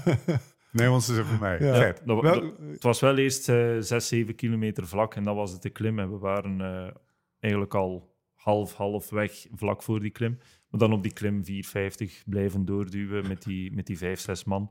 Dus wij doorrijden en dan eh, het peloton hield ons een hele tijd kort. Was, eh, ik geloof Movistar zat mee op kop te rijden. Ehm, was de eerste rit van Catalonië in 2019. En dan eh, halverwege was er een klim. Het peloton zat op een minuut. En dat was eigenlijk de bedoeling dat ik bovenop die klim ongeveer drie minuten voorsprong zou hebben voor een kans te maken op de Ja. overwinning. Dus ik moest versnellen op die klim. Iedereen één voor één eraf. Eh, enkel eh Matthé zat nog eh, heel even in het wiel. En dat was hij uiteindelijk ook weg. En dan bovenop de klim had ik, ik geloof, drie minuten en 15 seconden, zoiets. En dat was nog uit 60 tot de finish. En dat is eigenlijk, als ik hier drie minuten had, had ik een kans om te winnen. En ik heb gewoon dan eh 400 watt blijven duwen. Overal waar dat ging, er was ook veel bergaf. En eh, ik denk 25 kilometer van de finish had ik ineens vier minuten. En dan kwam Kevin de Weert ook zeggen, vier minuten. Ik zei, wat? Vier minuten? Dat kan toch niet? En eh, uiteindelijk, ja, dat was... eh, ik, ik had heel het plan, exact zoals dat ik het zei, voorgelegd. En dat is dan tot in de, tot in de puntjes Ik heb die rit ook gereden. hè. Ja. Ja, dit is de rit waarvan ik Ja. in het begin van de podcast refereerde dat we volgens mij op een grote brede baan zaten. En Ja. dat ze dus op kop reden. Ja, ik reed voor CCC mijn laatste jaar. Dat ik- Ja. Wij hoefden niet op kop te rijden voor een sprinter of zo. Dat ik dacht van ja, nou moet je toch... Ik zou, als ik jullie was, nu maar terugpakken. Want, en ik weet nog, wij kwamen in de bus. En Victor de Laparte reed er ook. En Ja. we hebben dat flabbergasted waren met z'n allen. Want ook inderdaad, wij dachten, ja, hoezo vier minuten? Weet je, we waren best wel hard erachteraan aan het rijden. En dan reed hij nog weg, weet je. Dus dat Hoe is... beleef je zo'n dag? Ben, ben je dan de hele tijd aan het na, ben je de hele dag aan het nadenken over het pacen, eten? Zit je er helemaal, zit je echt in, helemaal in de zone? Of, of kan je ook, ja, dat is, heel, heel tijd rekenen. Je bent aan het Ja. rekenen hoeveel, hoeveel voorsprong dat je hebt, hoeveel dat je nodig hebt, hoe hard dat je aan het rijden zit, hoeveel harder dat je nog kunt. Ondertussen blijven eten, die, eh, de renners dat bij je zijn, zo een beetje proberen aanmoedigen voor zover dat Ja. dat ging. Eh, zoals eh, tegen Matte zei ik dan, ja, eh, we, we gaan nu een beetje versnellen, want die zat eigenlijk al zo, dus Ja. die, die, die is eigenlijk vanzelf Dat is morgen iets? Matthij? Nee, nee, eh Matte Maradona is eh, de eh koffiedisseré die toen, Oké. die zijn staartjes zo. Ah, ah ja. Louis Mathé. Ja, Ja. zo heet hij. Ja, ja, ja. ja. Ik noem ik En, en die, eh, dat was zo een, we gingen van die grote banen, dat was zo eerst twee kilometer heel steil en dan ging die eigenlijk over in de echte klim. En daar was al, eh, nou, goed jaar zat mee en eh, die mannen allemaal één voor één er dan afgereden. Dus eh, dat, was, dat was een mooi moment. En hoe voelt dat? Jij was... Nou, de- Ik had, ik had een plan. Ik moest gewoon zo hard mogelijk omhoog rijden om bovenop drie minuten te hebben. Dat was, dat was mijn enige plan daar op dat moment. En ik ging ablok tot boven eigenlijk. dus en hoeveel hield je over? Ik had bovenop drie minuten en, eh, en eh, vijftien. En dan eh, in de vallei vier minuten. En de laatste twee kilometer heb ik eigenlijk heel veel weggegooid. En dan won ik nog met twee minuten twintig of zoiets. Maar ik had met drie minuten kunnen winnen. Als ik echt tot op de meet had doorgereden. En, en, en, en want dan, dan sta, had je het geel? Of de, wat is het daar? Rood-geel? Wat in ieder geval... de- ja, rood denk ik. of, denk je dan ook van... Nou, misschien kan ik het wel poelen tot het einde? Of is Ja. het meteen van... Ik heb het ritje gewonnen, het is oké? Ik, ik wou hem wel zo lang mogelijk houden. Eh, maar eh, toen zat er wel Valter 2000 in en eh, de dag erna Molina. Dus ik wist wel dat het heel moeilijk ging zijn. En ik, ik overleefde nog Valter. Ik heb me er nog geholpen. Nog even kop getrokken de laatste drie kilometer. Daar had ik hem dan nog mijn trui voor, ik denk 20, 25 seconden voorsprong. Maar dan de dag daarna in La Molina was het, was het gepasseerd. En dan Ja. wist, ja, het, was een mooie, het was een mooi moment geweest. Dus was, dit je, was dit je eh, mooiste dag op de fiets? Eh, ja, ik, ik heb nog mooie dagen gehad, maar het was wel degene waar dat alles wat ik had gepland zo mooi was uitgekomen. Dat, is, Ah. dat gebeurt bijna nooit. Iedereen Ah. heeft een plan, met, eh, je moet altijd aanpassen. En nu moest er niks aangepast worden. En dan gaan we eh, je laatste seizoen in.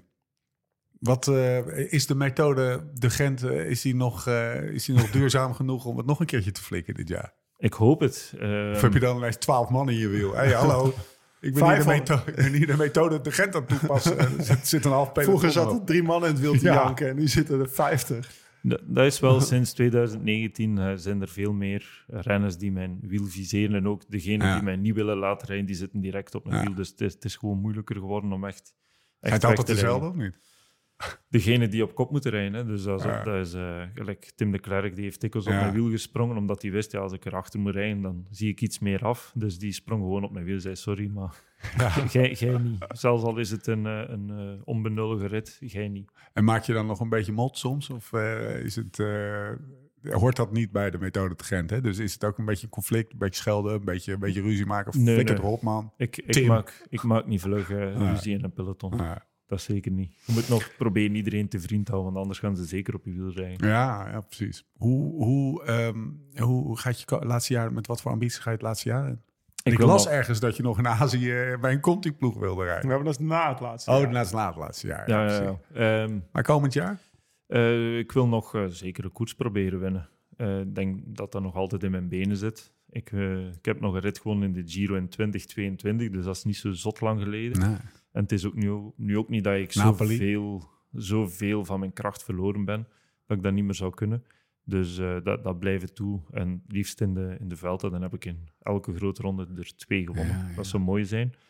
Ehm, dus koers winnen is nog altijd het, eh, het doel. Anders kun je beter nu al stoppen met koersen. Het, het, hij kan dus nog gewoon in elke grote Oh, ronde twee twee, etappes Ja, pakken. want het Giro en de Tour heeft hij al. Ja. ja, nou, dat is mooi. hey, maar nou even, ik, je hebt het laatste jaar. Ja. Eh, ik las, ik weet, want we zitten hier omdat ik, ik weet, vorige week stond er een interview in het nieuwsblad met jou, denk ik. Was het nieuwsblad, hè? Ja, Ja. zeker. En dat, nou ja, ik, eh, jullie, ja je, je hoort wel, ik heb altijd goede woorden voor hem gehad. Hè, Ja. ook, hè. maar dat, ik werd nog meer geïnterviewd of eh, getriggerd door dat interview. Wat daarin stond, joh, ik ga volgend jaar, wel- of na volgend jaar ga ik wel stoppen met koersen, maar ik ga zeker niet stoppen met fietsen. Hè, sowieso is het niet goed voor mijn hart als ik stop met fietsen. Dat is een van de redenen. Nou, dat, dat snap ik volledig. Maar ook, ik vind het koersen nog veel te leuk. En dan eventueel nog in Azië koersen. Er stond ook gravel op. ja. Hij heeft ook een van mijn... eh, ik ga nu... In maart ga ik naar een vrijgezellenfeest van een vriend toe fietsen in Gerlos, Oostenrijk. Weet Ja. je wel? Maar hij is eh, vanaf Lombardij een keer naar huis gefietst. Je bent naar je huis in Kalpen gefietst. Afgelopen zomer tijdens de Tour. Best wel avontuurtjes Ja. waarvan ik denk van... Heel vet, weet je wel. Daar wil ik hier zitten. Ja. En eh, ja, ik ben benieuwd. Hoe concreet is het? Eh, Kunnen we weer bij kunnen, Unbound we weer verwachten? samen, kunnen we samen in Unbound eh, Precies. een slagje slaan? Wat voor, hoe kijk je daar nou? Hoe Ja. volg je het gravel en, en het bikepack wereldje een beetje? Ehm, Trekt het je? Wel, gravel staat zeker op, eh, op het programma daarna. eh, omdat ik als, als profielrenner zit er zo vast in altijd dezelfde koersen. En eh, Ja. het is wel mooi om, eh, om een tour en een veld te rijden. Maar als je ze elk tien keer hebt gedaan, dan is het leuke er ook vanaf. En er zit nog een heel aspect aan het koersen dat buiten Europa ligt. En dat, dat ik ook wel wil, wil gezien hebben. Daarom ook dat koersen in Azië. Er zijn zoveel mooie koersen dat wij niet doen.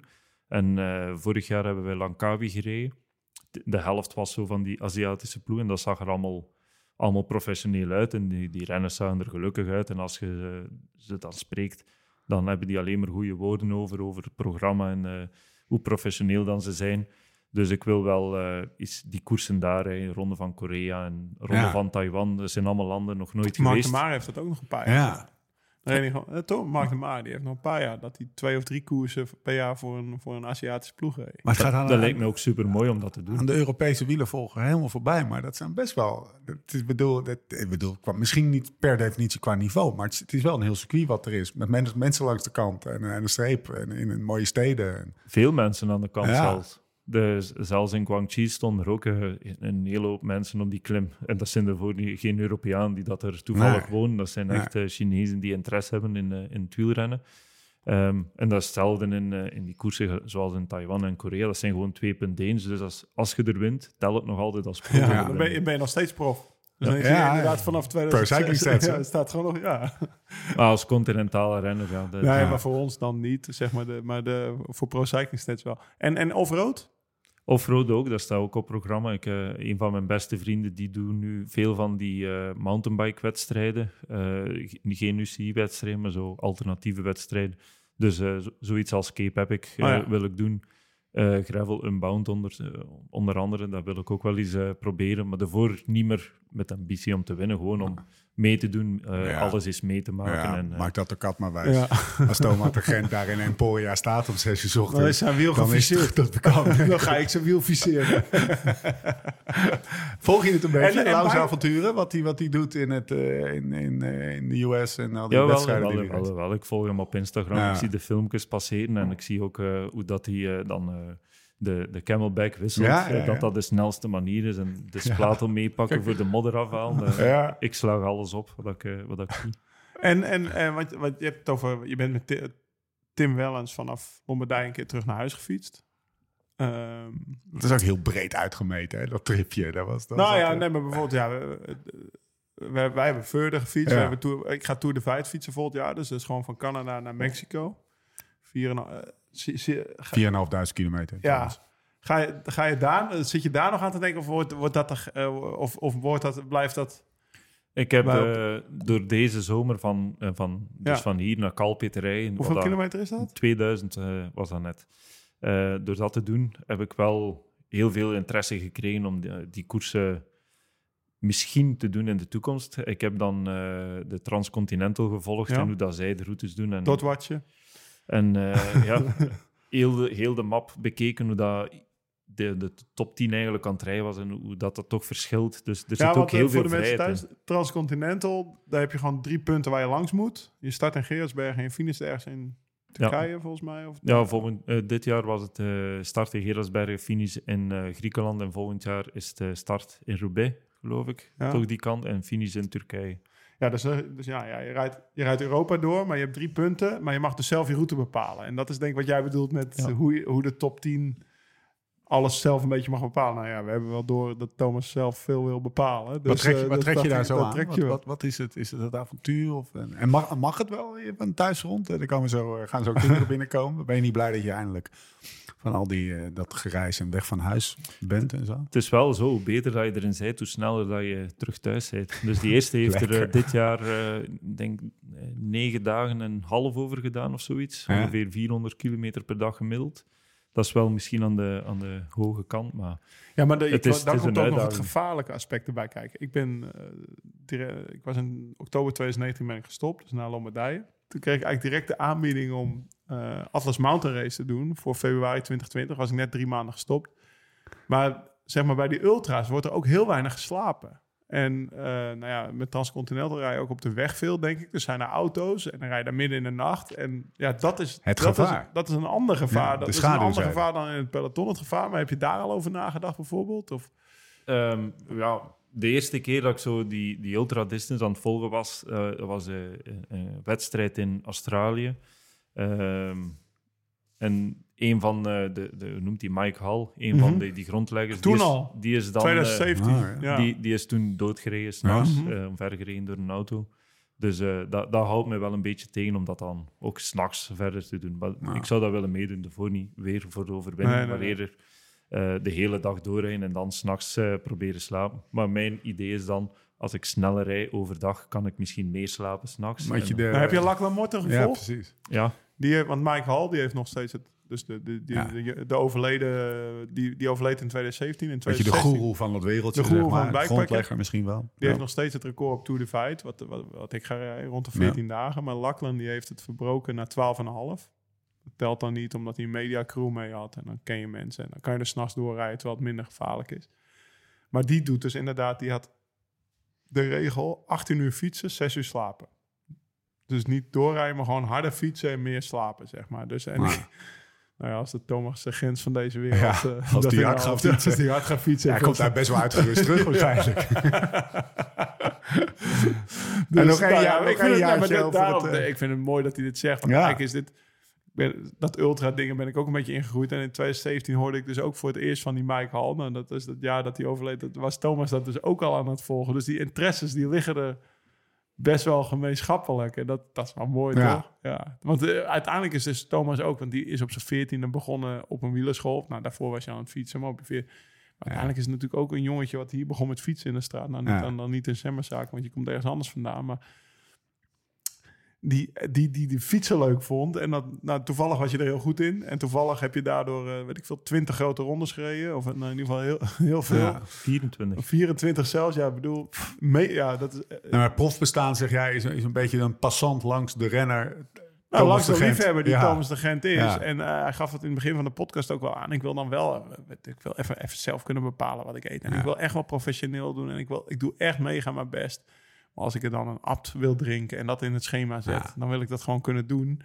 En als ik na afloop, of ja, als ik dan klaar ben en bijvoorbeeld transcontinental dan zou het toch vet zijn als we een keer samen aan de start staan daar in Gerardsberg of Roubaix, weet je. En Je kunt altijd als dat- koppel rijden. eh, ja, Ah, kan ook nog, ja. Dan moet je in elkaar spiel zetten. Ja. Dan ga, ga je nog sneller. Dan ben je je nog sneller thuis.